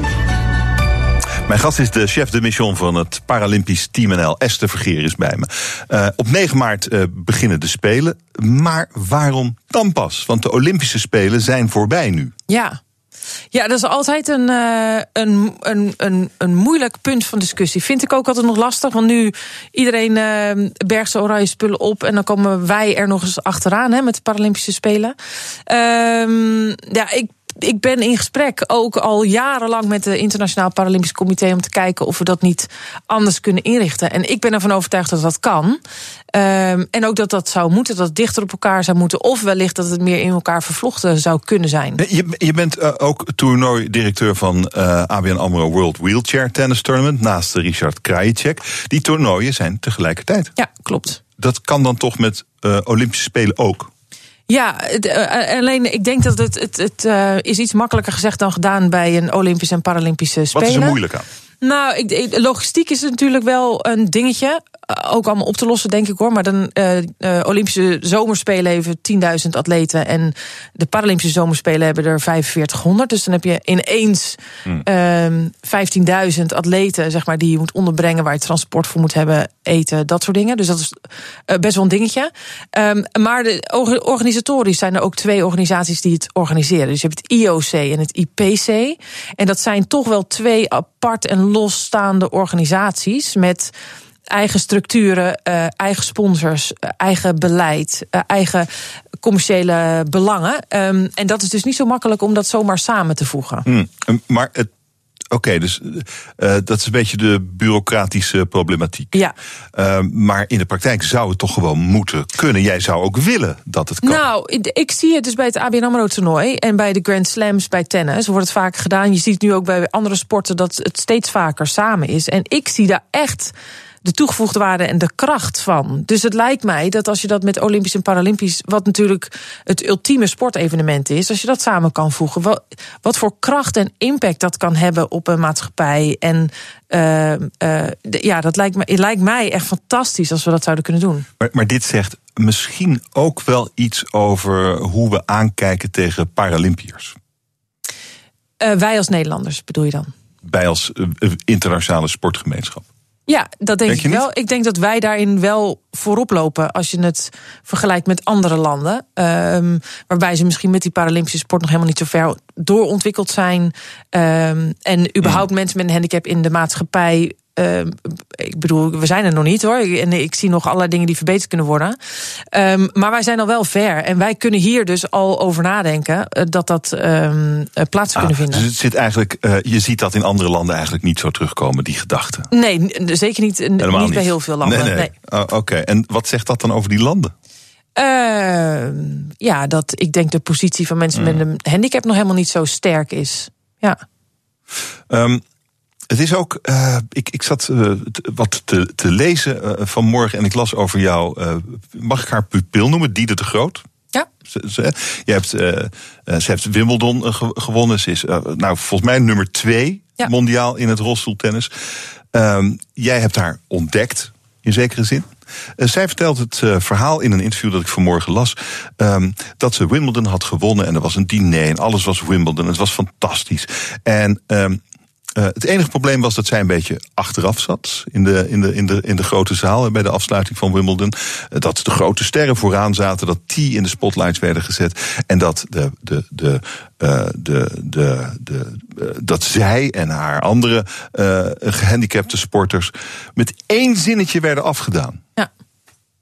Nou, dat vond zij ongelooflijk pijnlijk. En Ja. dat is waar dit natuurlijk ook een beetje voor staat, die Absoluut. Paralympische problematiek. Ja, en, en ik denk dat dat zijn iedere keer nog de dingen waar we tegenaan eh, vechten, als je het zo wil noemen.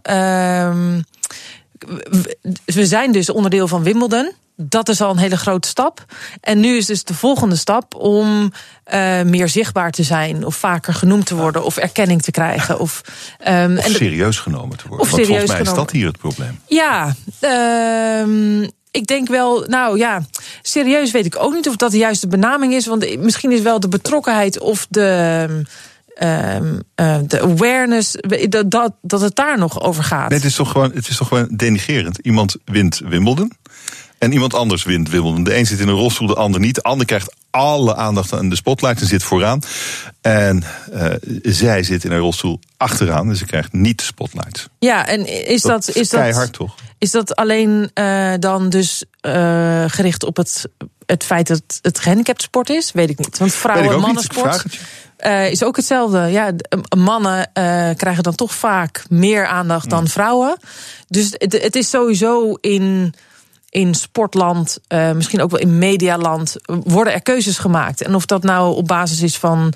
eh, gender of eh, gehandicapt of niet gehandicapt. Of weet je, en daar, ja, ik wil dat dat verdwijnt. En dus zullen we daarvoor moeten vechten. En dat gaat met hele kleine stapjes. Ja, het is wel iets van de lange adem. En, maar dit is wel iets wat, waar je, wat jij wil. Jij doet hier dingen voor. Ja, ik, ik geloof namelijk, En- ik geloof hierin. Ja. En, en wat doe je ervoor? Eh, eh, eh, ja, ik probeer het spel te spelen waardoor je dus die sta- kleine stapjes vooruit Hoe kan. speel je dat spel? Door ehm, eh, bij de breedte sport te beginnen. Dus rolstoeltennis mogelijk maken bij gewone verenigingen. Dus eh, gewoon bij de grassroots beginnen eh, hier in Nederland. Maar ook het ABN AMRO toernooi organiseren. eh, Met de ITF praten, de Internationale Tennisfederatie. Maar ook met het IPC praten, de Paralympisch Comité. Om te kijken waar je... Dus van eigenlijk van, van echt breedte sport tot aan het hoogste orgaan... als het gaat om internationale sportbestuur. Ja, het is misschien wel een beetje een uphill battle. Eh, ja, maar ik, ik geloof niet dat het, eh, dat het onmogelijk is. Heb je, eh, wat, wat zou je als, als dit nou een, ook een van jouw missies is, wat, wat zou je dan als, als grootste succes daarin benoemen? Tot nu toe. Ja, jouw eigen persoonlijke effectiviteit in dit hele traject wat je nu beschrijft. Ik denk wel die, de, de, het ABN AMRO-toernooi, wat dan tegelijkertijd is. Dat is in Nederland het allergrootste internationale toernooi. Al eh, 45 jaar lang succesvol. En daar dus nu rolstoeltennis aan toe te hebben gevoegd. En als ik dat dan in februari eh, bekeek, hoeveel mensen daar eh, langs de kant stonden, eh, hoeveel aandacht we kregen. ehm, ehm, ja, vond ik dat, wel, helpt. Dat helpt, absoluut. Ja. En wat wordt dan, ehm, ja, maar het helpt, oké, dan gaat het over bewustwording en van die, zijn van die vage dingen. Wel Ja. belangrijk, tuurlijk allemaal. Maar wanneer wordt het omgezet in daden? Eh, volgens mij is dat het al. Volgens mij, eh, het Ja? toernooi aan zich is, Ja, is toernooi de natuurlijk. daad. Maar ja, natuurlijk. Maar als je, als je dan. Je, wat je, ik bedoel eigenlijk wat je beschreef, die, die erkenning en die, eh, na afloop van het toernooi. Dat moet natuurlijk verder. Ja, Bijvoorbeeld die, die Paralympics in. Ja, Wanneer gebeurt dat? ja. Weet je, wat, wat Ja. zie je daar voor, voor, Nee, ja. voor concrete stappen? Ja, nee, maar als je, als, je me, als je me vraagt wat zijn de toekomstdromen, dan zijn dat dromen, maar en, stappen. En dan hoop ik Die dat er een keer inderdaad tijdens een Paralympische Spelen wellicht demonstratiesporten worden gehouden. ehm, eh, Paralympische sport. ehm, of eh, dat er dichter bij elkaar komt. Of ja, ja, welke stap er genomen moet worden, weet ik niet. Maar dat het op de een of andere manier dichter bij elkaar komt, dat is wel een, een, een droom. Ja. Wij doen blijkbaar een paar dingen goed. We hadden het er al over. Hè, dat, je, dat we met negen atleten naar de Paralympics gaan. Dat zegt iets over uh, hoe dat in Nederland is geregeld. Namelijk goed. Mm -hmm. Hoe komt het dat het in Nederland goed is? Jij zei al rolstoeltennis bij, uh, bij, gewoon bij tennisverenigingen introduceren. Dat soort dingen. Begint het daar? Net als eigenlijk in de andere, andere topsport. Gewoon in de breedste sport beginnen. Volgens mij Zo wel. simpel is het. Zo simpel is het. En zijn we daar goed in al? Uh, zijn we redelijk goed in. Ja, dus, dus de gehandicapsport die valt onder de normale sportbonden. Dus niet, niet apart geregeld en niet apart georganiseerd. Onder normale sportbonden. En volgens mij is het dat het daar begint. En uh, nu, sommige bonden doen het supergoed. Sommige bonden, daar hangt het nog een beetje bij. En ik denk dat het daar start. Zodat daar een, als daar een hele vaste, goede, solide basis staat... kan je daar vanuit evenementen gaan organiseren. Kan je daar vanuit uh, internationale evenementen gaan organiseren. Um, en volgens mij is dat de stap die we moeten ma maken. En dan zijn wij nog maar Nederland. Hè? Dus dan uh, op zich een, een gerenommeerd land... als het ook op evenementengebied aankomt... Um, maar er zijn nog veel, heel veel landen te overtuigen om dit ook op deze manier te gaan doen. En is dat, dat zit natuurlijk in de, de, de ontwikkeling van Paralympische sporters is een beetje anders, denk ik. Ik bedoel, het is, het is natuurlijk heel lastig om als je in een rolstoel zit te bedenken, nou dan ga ik uh, tennissen en uh, daar dan heel erg goed in te worden. Dat, dat, dat vraagt misschien meer van uh, iemand dan wanneer je niet in een rolstoel zit. Um, weet ik ook of niet. faciliteiten niet en dat soort ja, dingen. Van, of ik denk dat sowieso je mindset en je instelling als je een, als je een handicap hebt. Um, is wellicht anders dan als je geen handicap hebt. Je moet heel creatief zijn. Je moet heel, uh, um, nou ja, uh, je moet veel vechtlust hebben, doorzettingsvermogen, dat soort dingen. Uh, dat is ook op het sportgebied zo. Uh, maar als je eenmaal dat hebt ontdekt, dan is er superveel mogelijk. En daar moet je voor willen gaan. Ja, dat klopt wel. Uh, ik denk de weg die je bewandelt. En uiteindelijk zijn er minder gehandicapte sporters dan niet gehandicapte sporters. Dus dan is de kans dat je um, bij een nationale selectie komt, die is, die is aanwezig. Die is altijd aanwezig. Maar die is met binnen de gehandicapsport misschien wel een, een iets grotere kans. Maar we hadden het over Diede de Groot, ja. jouw pupil. Uh, je hebt daar ontdekt en, en je, je dacht van nou, dat is een talent. Maar vervolgens heb je dat niet een constatering laten zijn. Je bent ook dingen met haar en voor haar gaan doen. Om haar te ontwikkelen. Wat, wat, wat is jouw rol in haar succes, denk je? Nou, ik, ik denk dat het een beetje te zwaar uh, voor mij is als ik, als ik zeg dat ik haar heb ontdekt en ik haar heb ontwikkeld. Um, ik zag absoluut talent in haar en dat heb ik tegen haar gezegd. Um, ik heb haar wel geholpen met hoe ze haar wereldje om haar heen zou kunnen organiseren. Zodat ze meer um, zich kon focussen op het tennis. Hoe doe je dat dan? Nou ja, ik heb natuurlijk zelf 19 ja. jaar lang in de topsport gezeten. Dus ik weet welke valkuilen er ook zijn. En ja, daar, daar probeer ik haar een beetje voor te behoeden. Misschien te adviseren in hoe zij um, haar potentie kan maximaliseren op het gebied van sponsors, op het gebied van um, uh, mensen die haar ondersteunen. Want uiteindelijk moet je een soort team om je heen organiseren. Ja, en daar probeer ik haar mee te helpen. En ik denk dat we op die manier een ontzettend leuke klik hebben. Uiteindelijk moet zij die uur op de tennisbaan maken. Uh, en moet zij die laatste bal iedere keer weten te winnen, zodat ze die wedstrijden ook wint. Dus het is natuurlijk ook een groot deel haar eigen effort. Um, en ik ben er als een soort mentor voor haar. vind ik super leuk om te doen. Ja. Uh, maar uh, uh, op, een mentor op sportief gebied, maar eigenlijk ook nog veel meer dan dat. Nou, misschien juist helemaal niet op sportief gebied. Want daar, ja, ja, andere mensen zijn daar veel beter in dan ik. Ik ben geen coach. Um, maar juist alle randdingen die je als topsporter om je heen ja, nodig hebt, daar probeer ik haar een beetje in te adviseren. Een beetje in te adviseren. Ja, Het klinkt een beetje. Het klinkt een beetje, een beetje ja, nou, ik wil niet een te grote broek aantrekken. Maar ik vind dat heel leuk. En ik, ik zie gewoon dat zij ontzettend veel kan en kan gaan worden in de toekomst. Ah, ja. En zij heeft natuurlijk geluk dat uh, iemand als jij iets in haar ziet en bereid is om er tijd aan te besteden. Doe je dat voor meer talenten? Uh, nou, ik, ook nog Ruben Spaargaren is ook zo'n talent in Nederland. Ja, ik word, ik word daar heel enthousiast van als ik mensen, jonge mensen ambities die hebben, um, uh, lef hebben om dingen uit te spreken als ik wil nummer één worden of ik wil er alles voor doen. Weet je, ja, daar word ik, daar word ik heel enthousiast van. Dus dan vind ik dat heel leuk als ik daar um, een steentje aan kan bijdragen. Ja, maar niet iedereen heeft natuurlijk het geluk dat ze vergeer tegenkomen. Nee, en daarom is het ook echt wel belangrijk dat je heel goed nadenkt over wat jij wil, wat heb je nodig? En ook contact op zoek met de bond uh, van jouw specifieke sport. Uh, wees zelf ook heel erg uh, leergierig, zeg maar, daarin. Ja. Het gaat beginnen over een paar weken. Met hoeveel medailles denk je dat jullie terugkomen? Goeie vraag. Nou, we gaan dus met negen atleten. Ehm, en we gaan daarheen met een, een paar wereldkampioenen. op een paar disciplines. En ja, we hebben natuurlijk met de, met de bond gesproken wat die kansen zijn. Maar uh, ook als, als Jeroen Bijl zeide, die had ook een, eh, een, uh, een minimaal eigenlijk wat wij hopen. Ehm, vijf medailles. het kwam, kwam er heel snel uit. Ja. Dit is eng. um, nee, wij gaan wij, wel en, minimale vijf medailles. Ja, gouden. Niet allemaal goud. Nee. niet allemaal goud. Hoeveel nee, gouden? medailles. Hoeveel gouden? Nee, daar, daar, laat ik niet over uit. ik wens je fantastische Paralympics. Hartelijk dank voor dit gesprek. Esther Vergeer, chef de mission voor Team NL tijdens de Paralympische Spelen. Dankjewel. Dank. BNR Nieuwsradio. Hemmen. Randstad en Tempo Team sturen 1500 medewerkers op antidiscriminatiecursus. Aanleiding is die uitzending van Radar, waarin bleek dat medewerkers bereid waren om rekening te houden met de voorkeur van hun klanten. En dus geen Turken, Surinamers of Marokkanen langs te sturen. Ik bespreek het in. De kantine. Met vandaag Frank van Dalen, voormalig campagneleider van de VVD in Amsterdam. Voorzitter van de Stichting Politieke Academie. En ook nog ondernemer. Rob Benjamins is ook hier. Hij is marketeer bij Brand Business Architects. Goedemiddag, mooi dat jullie er zijn. Goedemiddag.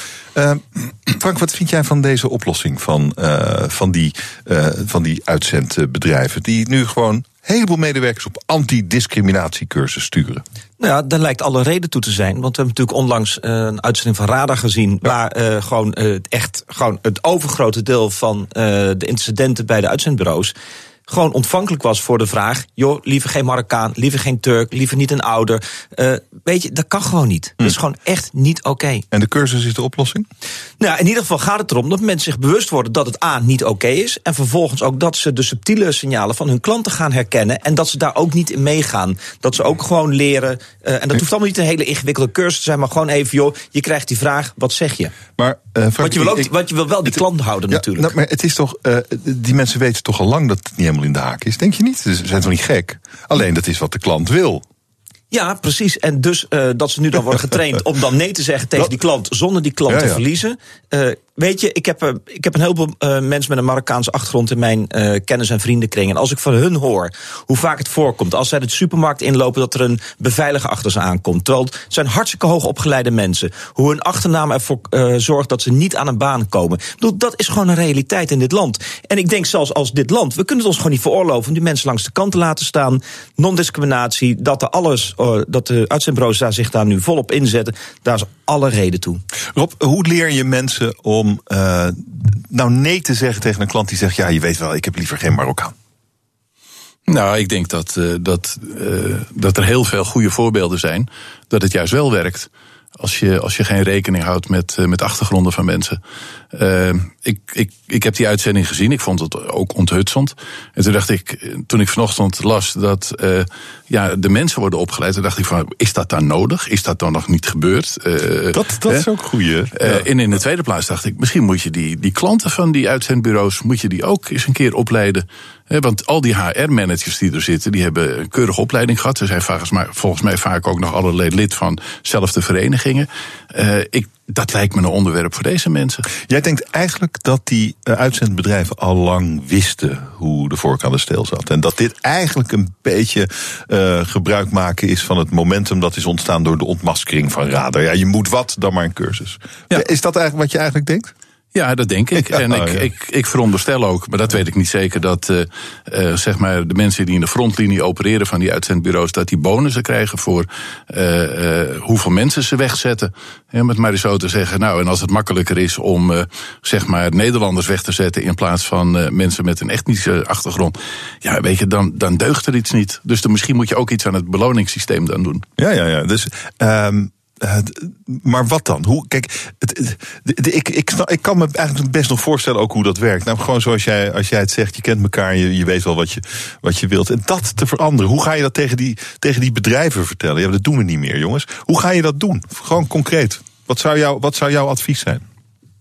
Nou, ik denk dat uh, uh, misschien uh, deze, deze mensen die, die die gesprekken voeren ook geconfronteerd zouden moeten worden met hoe het, hoe het is als het, als het hun gebeurt. Er is ooit is er een, een, een, een instantie geweest die, die heeft in een nieuw kantoorgebouw hebben ze de bovenste verdieping vrijgelaten en daar hebben ze de buitenwereld nagespeeld. En hebben ze gewoon hele grote groepen van mensen die hebben ze getraind hoe het is. Het ging over het UWV, die heeft dat gedaan. En hun mensen werden geconfronteerd eigenlijk, hè, want die kwamen dan als klant binnen bij, bij hun UWV. Uh, en, en die kregen daar de behandeling die, uh, die de gemiddelde Nederlander kreeg op de kantoren van, uh, van die organisatie. Dat was niet best bij UWV, herinner ik. Ik weet niet hoe het nu is, maar daar waren nou, tijd denk, geleden. Ik denk dat het geholpen heeft. Ik denk dat ja. die mensen, heel veel mensen, dat de ogen zijn open gegaan. En, en die confrontatie, ik denk dat dat, als je dat zelf beleeft, dat dat heel belangrijk is.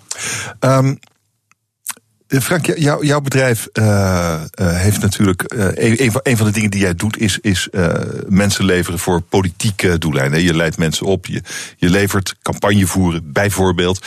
jij kan ook in zo'n situatie komen dat iemand tegen je zegt: Nou, hartstikke leuk, maar liever niet zo, zo iemand of zo iemand. Nou, daar komen we eigenlijk in dat situatie komen we niet in terecht, omdat we ook die ruimte gewoon niet geven. Uh, ik geloof daadwerkelijk, en dat zit ook heel diep in de vezels van de organisatie, uh, dat diversiteit je organisatie vooruit helpt. Uh, als je allemaal gelijkgestemde mensen in je organisatie opneemt, dan zul je minder succesvol zijn. Dat is echt een, een heel diep geloof wat in onze organisatie zit. Ehm, en ik, ik ben zelf ook mensenrechtenactivist, in dit geval vooral op homorechten, maar ja, ik vind het, dit vind ik nou echt belangrijk. Je kan mensen niet disqualificeren vanwege een huidskleur, vanwege een achternaam of wat dan ook. Dat is echt slecht. Het is slecht voor de samenleving. Het is slecht voor de individuen. Uh, je doet jezelf er geen plezier nee. mee. Is de oplossing misschien niet ook om uh, bij, die, bij die uitzendbureaus op de plekken van die, van die mensen die, uh, die, die werknemers wegzetten, om daar Turken, Marokkanen, Surinamers, noem het allemaal maar op, oudere mensen weg te, neer, neer te zetten? Zou dat een oplossing kunnen zijn? Nee, de oplossing is om te zorgen dat iedereen die voor zijn uitzendbureau werkt, uh, snapt dat discriminatie niet kan. En snapt dat ieder individu op zijn eigen merites hmm. moet worden beoordeeld en iets heeft toe te voegen aan de werkgever waar die op zoek is naar uh, kwalitatieve mensen. En dat gesprek ga je dan maar aan met die klanten. Het zijn niet altijd HRM-managers, het zijn ook gewoon MKB'ers, hmm. uh, die ook helemaal niet vaak zelf ook niet het beeld hebben van ben ik aan het discrimineren. Goh, ik heb goede ervaring met dat soort type, type, mensen. Zo iemand zoek ik eigenlijk weer. Nou, dan ga je maar even het gesprek aan van joh, maar er is misschien nog een kwalitatief veel betere kandidaat voor jou beschikbaar die niet in jouw eerste uh, denkpatroon past, maar mag ik die voorstellen? En dat is wat we met elkaar gewoon moeten doen. We moeten het gewoon met elkaar doen. Ja. En dat er nu dan uh, op grote schaal training aan wordt gegeven, dat stukje bewustwording, even leren hoe je ook weer nee zegt tegen een klant, uh, dat is helemaal niet raar. We hebben het uh, uh, heel lang over MeToo gehad. Het is nu weer een beetje minder geworden, geloof ik. Uh, AD heeft onderzocht met de Landelijke Vereniging voor Vertrouwenspersonen... wat het effect daarvan is geweest op in Nederland. Hoeveel extra meldingen de MeToo-toestand heeft opgeleverd. En dat blijkt er niet zoveel te zijn. Nee. Wat maak jij daarvan? Nou, er wordt van gezegd dat, dat het het topje van de ijsberg is. En ik heb ook wel die neiging dat, dat te geloven. Maar ze hebben, ze hebben ook onderzoek gedaan. En er bleek dat 50% van de werknemers aangaf in dat onderzoek dat ze te maken hebben gehad met seksuele intimidatie op het, op het werk. Uh, en maar 25% heeft aangifte gedaan. Mm -hmm. En ik had zo graag geweten waarom dat dan is. Dat die mensen geen aangifte hebben gedaan. Is dat om, om uh, dat men vindt dat ze dat niet kunnen doen? He, dat, dat er een druk vanuit een omgeving is om het niet te doen? Uh, want, want dan zeggen die cijfers iets meer. Ja. Kan, ook, kan ook iets. Je weet natuurlijk niet wat de aard van de intimidatie was. Nee. En of het wel intimidatie was. Is wat mensen zelf melden. Kan ja, het, nou, en dat was in het onderzoek is het ook betrekkelijk. Maar je zet een vinkje. Nou, dat is mij ook wel eens gebeurd. En als het dan aankomt op een melding. Ja, dan ga je toch wat anders nadenken erover. Maar ik, dat te zeggen, die achtergronden, die uitleg, die had ik er graag bij gehad. Want nu zeggen die cijfers niet zoveel. Nee, maar die, die, die cijfers Frank, hebben natuurlijk nu het effect dat ze zeggen, ja, nou, het valt dus wel mee. Ja, dat- eh, eh, ja, dan springen we weer naar de volgende conclusies. Ja, nou ja, we weten het dus Nee, niet. we weten het gewoon niet. En dat moet ook gewoon gesteld worden. Kijk, die hele MeToo-discussie, dat ging heel erg over eh, de entertainment-industrie.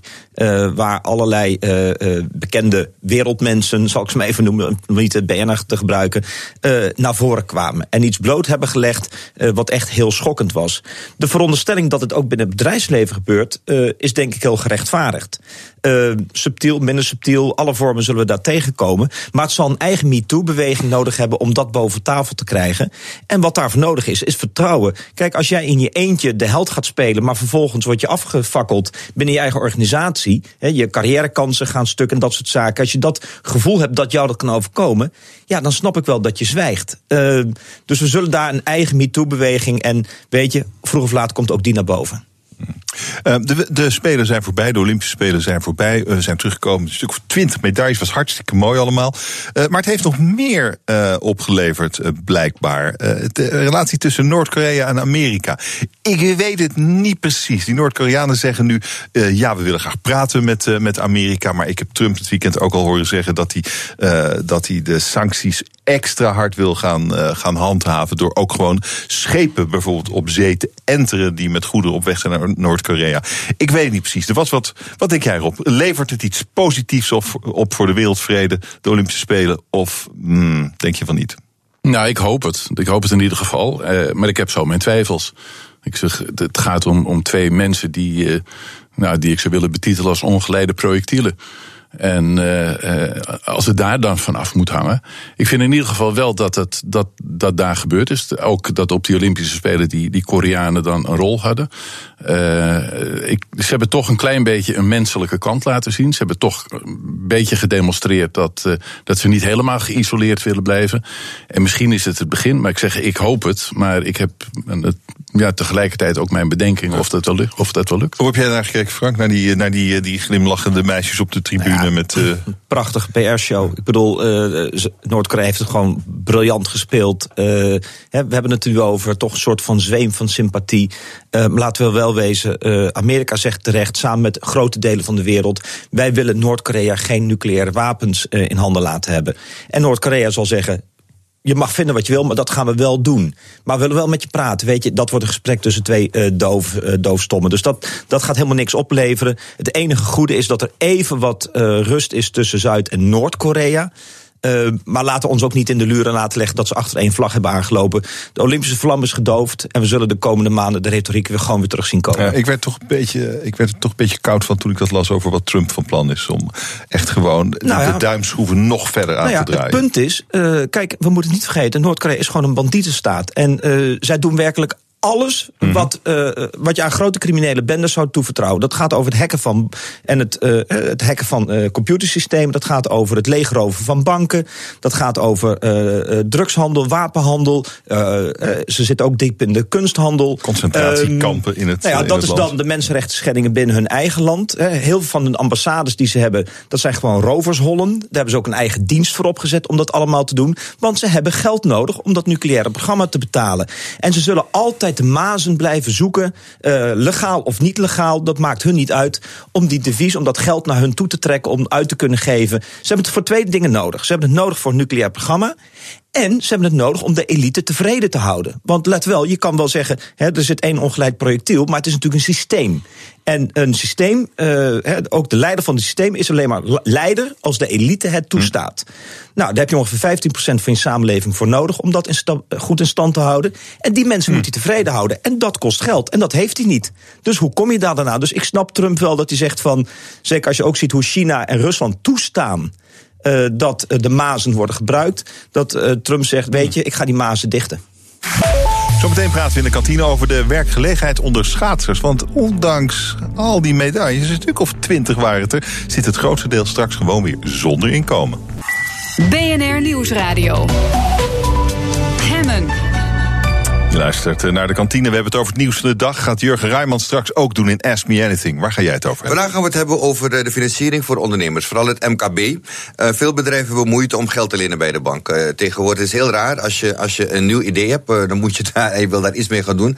Ja, dan moet je onderpand hebben bij de bank. Eigenlijk moet je eerst succesvol zijn voordat je geld bij de bank kan lenen. Zo succesvol dat je je geld eigenlijk zelf mm. zou kunnen investeren. Dus het is heel raar. Een beetje kip-en-ei verhaal. Maar wat zijn de beste manieren om het wel te doen? Moet je familie of vrienden inschakelen. Moet je het via crowdfunding doen. Uh, er zijn allerlei manieren om toch nog je, je, zeg maar, jouw idee uh, gefund te krijgen. En uh, daar gaan we het vandaag over hebben. Vooral, wat zijn de mogelijkheden om toch jouw project als MKB'er uh, van de grond te krijgen? Want het blijkt echt een probleem te zijn. We, zijn. we willen graag een innovatieve economie zijn, maar onze banken geven het minste uit aan nieuwe ideeën van heel Europa. Van mij, van de hele wereld zijn we al heel slecht. Andere, kijk, Suriname niet, maar daar hebben ze gewoon geen geld om uit te lenen. Maar hier hebben we gewoon het geld. Maar we geven het niet aan onze ondernemers. En dat is heel jammer, want er stagneert daardoor heel wat. Dus we gaan vandaag op oplossing zoeken daarvoor. Hoe kunnen we ervoor zorgen hmm. dat innovatieve jonge ondernemers en al ook gevestigde namen die toch weer een herinvestering willen doen, dat ze toch aan hun geld kunnen komen. En uh, ja, het is doekoe-tijd, dus dat we zeggen dat je alle vragen moet stellen aan mij gewoon. Uh, je kan het doen via Twitter, BNR, via Facebook. Je kan me natuurlijk WhatsAppen, het nummer staat op bnr.nl. Of een mailtje sturen naar askme.bnr.nl. Maar Roelof, je weet het zelf. Eh, bellen en dat is ook nog gratis. Is veel leuker ook. 020 468 4 en vraag jouw advies aan de specialisten bij mij in de studio. Vandaag. Dankjewel. Veel plezier zo Jullie ook, man. Je luistert naar de kantine. Frank van Daal is hier, voormalig campagneleider van de VVD in Amsterdam. En de voorzitter van Stichting Politieke Academie, ook nog ondernemer. Rob Benjamins is er ook. Hij is marketeer bij Brand and Business Architects. Uh, ik weet niet precies dat uh, verhaal van, uh, van Jurgen, Rob. Want dat is eigenlijk al een verhaal wat ik al jaren hoor. Hè, dat die banken geen zin hebben om geld aan het MKB uit te lenen. En, en, er zit misschien ook wel wat in, want start-ups, de meeste start-ups worden niks. Ja, en ik weet niet of dat nou per se komt door het gebrek aan financiering. Wat denk jij? Ja, ik denk het, het MKB en start-ups, dat zijn eigenlijk twee verschillende dingen. Ja. En nou, ja. Je, hebt een MKB-zaak, je wilt uitbreiden, en je krijgt ook geen financiering bij de bank. Althans, dat is lastig. En als je nou teruggaat, nou, we zijn niet banken naar voren. Dat is mensen die geld hebben. Nou, die, die, die, die, die, kunnen, dat, die kunnen gaan sparen bij een bank. Dat, dat was de basisfunctie. En mensen die geld nodig hebben, die kunnen het lenen bij de bank. Nou, die basisfunctie, ze zijn een tijd geleden naar die bankencrisis teruggegaan naar die basisfunctie. Met alle voorzichtigheid. Dat geldt overigens niet altijd voor de salarissen van, eh, van de topmensen, die voorzichtigheid. Maar uh, uh, er, wordt weinig, er wordt weinig innovatief gedacht. Terwijl het MKB de grootste banenmotor van heel Nederland is. Ja, maar dan heb jij, maakt echt een nadrukkelijk onderscheid tussen MKB en de start-ups. Jurgen had het over start-ups, jonge mensen met flitsende ideeën. Ja, vaak gaat dat natuurlijk gewoon niet goed. Maar een MKB'er, dat is dat is een bewezen ondernemer. Die heeft het al een tijdje gedaan. Die heeft laten zien dat hij kan groeien. Ja. En ook daar zit dus blijkbaar gewoon de stop erop. Ja, je moet het helemaal onderbouwen. En je moet eigenlijk inderdaad, wat Jurgen zei, het geld niet nodig hebben. Dat geldt zeker ook voor start-ups. In de reclamewereld en in de marketingwereld heb je veel start-ups. En je ziet dat daar gebeuren. Dus dat, dat eh, mensen nauwelijks enige, enige kans hebben om een lening te krijgen.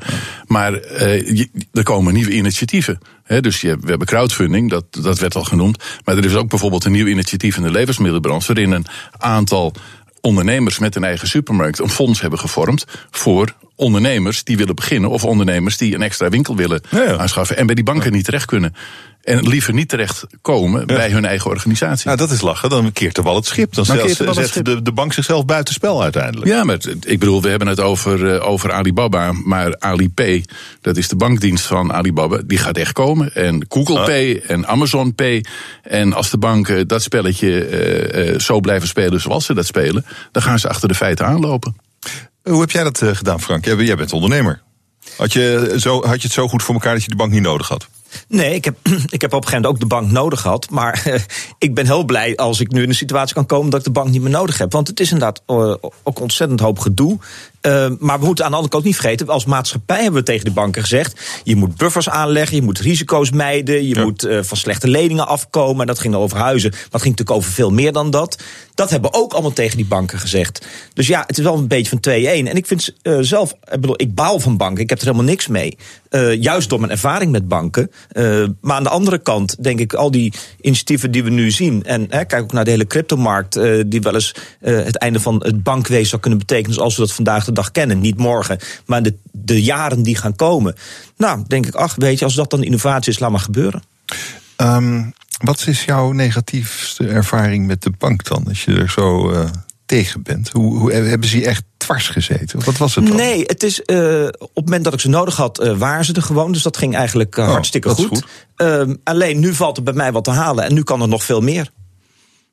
Hoe bedoel je? Nou ja, op geen oh, er ja, dus er succes. Ja, ja, ja, en dat, dat ruiken ze. Dus dan word je in één keer gebeld door allerlei accountmanagers. En dan willen ze vanuit met je praten en kom eens langs. En denk je van, joh, weet je, laat maar. Die, die, die financiering van toen de tijd was... Nou, liever niet, maar uiteindelijk dan met hangen en wurgen. Nee, en nu okay. in één keer met zijn. Nee. Ja, het is gewoon een business natuurlijk ook voor die man. Nou ja, natuurlijk. Nou, uh, Sven Kramer die zei iets opvallends bij de NOS. 97% van de schaatsers zit zonder inkomen over een paar weken. Die schaatsers, dat zijn de mensen die ons wekenlang voor de buis gekluisterd hebben gehouden. En die 20 medailles hebben meegenomen uit uh, Pyeongchang. Gaan straks gewoon de WW in. Hoe vind je dat? Ja, ik begreep het niet helemaal. Ze zijn allemaal, althans de meeste, die zijn lid van een, van een ploeg. Dat is uh, vaak een professionele ploeg. Hè. Er mm. zit een goede sponsor achter. Uh, ik denk dat het de verantwoordelijkheid voor de sponsor is. En, en volgens mij gebeurt het ook. Dat ze zeggen in, in die periode nadat uh, die competitie geweest is. dat er een, ook een plan is. Dat er een inkomen is. Is er blijkbaar niet. Ja, Sven Kramer kan ja, het weten, toch? Ja, ik begrijp dat er een aantal, sponsors, dat er een aantal sponsordeals weer stoppen. En, en, maar Sven heeft de oplossing. Huh? Er moet nog een ploeg bij. Vind jij niet de oplossing? Nou ja, ik bedoel, als ze nu al geen geld hebben van die ploegen die er nu zijn in stand te houden, ja, dan denk ik een ploeg erbij. Want dat is dan meer. Want die wil sponsor erbij. Dat is meer concurrentie. Maar ik zou zeggen, joh, ga eens met Max Verstappen praten, met willekeurige voetballen, misschien met Richard Krajicek. Dat zijn allemaal mensen die op topniveau ja, ik vind, uh, sporten. Ja, maar, nee, maar weet je, het, het, het, is een businessmodel. Het zijn ondernemers en hun onderneming. Nee, het zijn sporters. Nee, het zijn ondernemers en hun vak is uh, sporter zijn. En daar, he, daar hoort een heel bouwwerk van mensen omheen. Uh, daar hoort ook commercie bij. en ja, ja Weet je, laat dan die markt ook maar volwassen ja, maar worden. Dat, is, dat, is, dat geldt voor Sven Kramer en nog een paar. Maar Sven Kramer zegt... Ja, maar als er geen markt is, dan is er geen markt. Ja, ja maar weet je? Er is wel markt, want ze, ze, gaan naar de Olympische Spelen. Ze, krijgen, ze halen medailles. Ja, dus? Nou ja, dat, dat is toch ook wat waard? Nou, Alleen niet, niet. Ja, nee, bedoel, ja, nee, ja, nee, ja, nee, maar, ja. nee, maar zo hard Begrijp is het. ik je nou verkeerd? Nee, nee, nee, maar zo hard is het natuurlijk wel. Als wij, met, als wij als samenleving met z'n allen enorm genieten van al die medailles, maar vervolgens zijn we niet als samenleving in staat om die mensen vervolgens goed te verzorgen, dan heeft dat blijkbaar die waarde niet. Als ik mm. met mijn bedrijf een product in de markt zet, waarvan de markt zegt, joh, leuk, maar laat maar zitten. We hebben van je genoten, maar we gaan verder niet met je in zee ja, dan is dat mijn verlies. En uh, dan moeten we met, als Nederland gaan kijken, wat willen we met sport? Sport is, uh, er hangt een hele romantische saus mee. Het gaat over groot geld. Echt serieus groot hmm. geld. Kijk wat die Olympische Spelen hebben gekost. Het is een business. Ja, ja, oké. Okay. Nou, daar, ben ik het, ja, daar ben ik het mee eens. Het is een business. En er zijn een aantal bedrijven die daar ingestapt zijn. Het, die, die ook vanuit een business perspectief. Dus ik heb het idee dat als je dat, dat initiatief, als je dat een beetje helpt steunen. En misschien moet het uit de KNSB komen. Of misschien moet het ergens anders vandaan komen. Dan kan er veel meer rendement gehaald worden. Uit het feit dat die sporters het zo geweldig goed gepresteerd hebben. Er zit bovendien zit er nog wat anders zit erachter. Het, het is een grote business.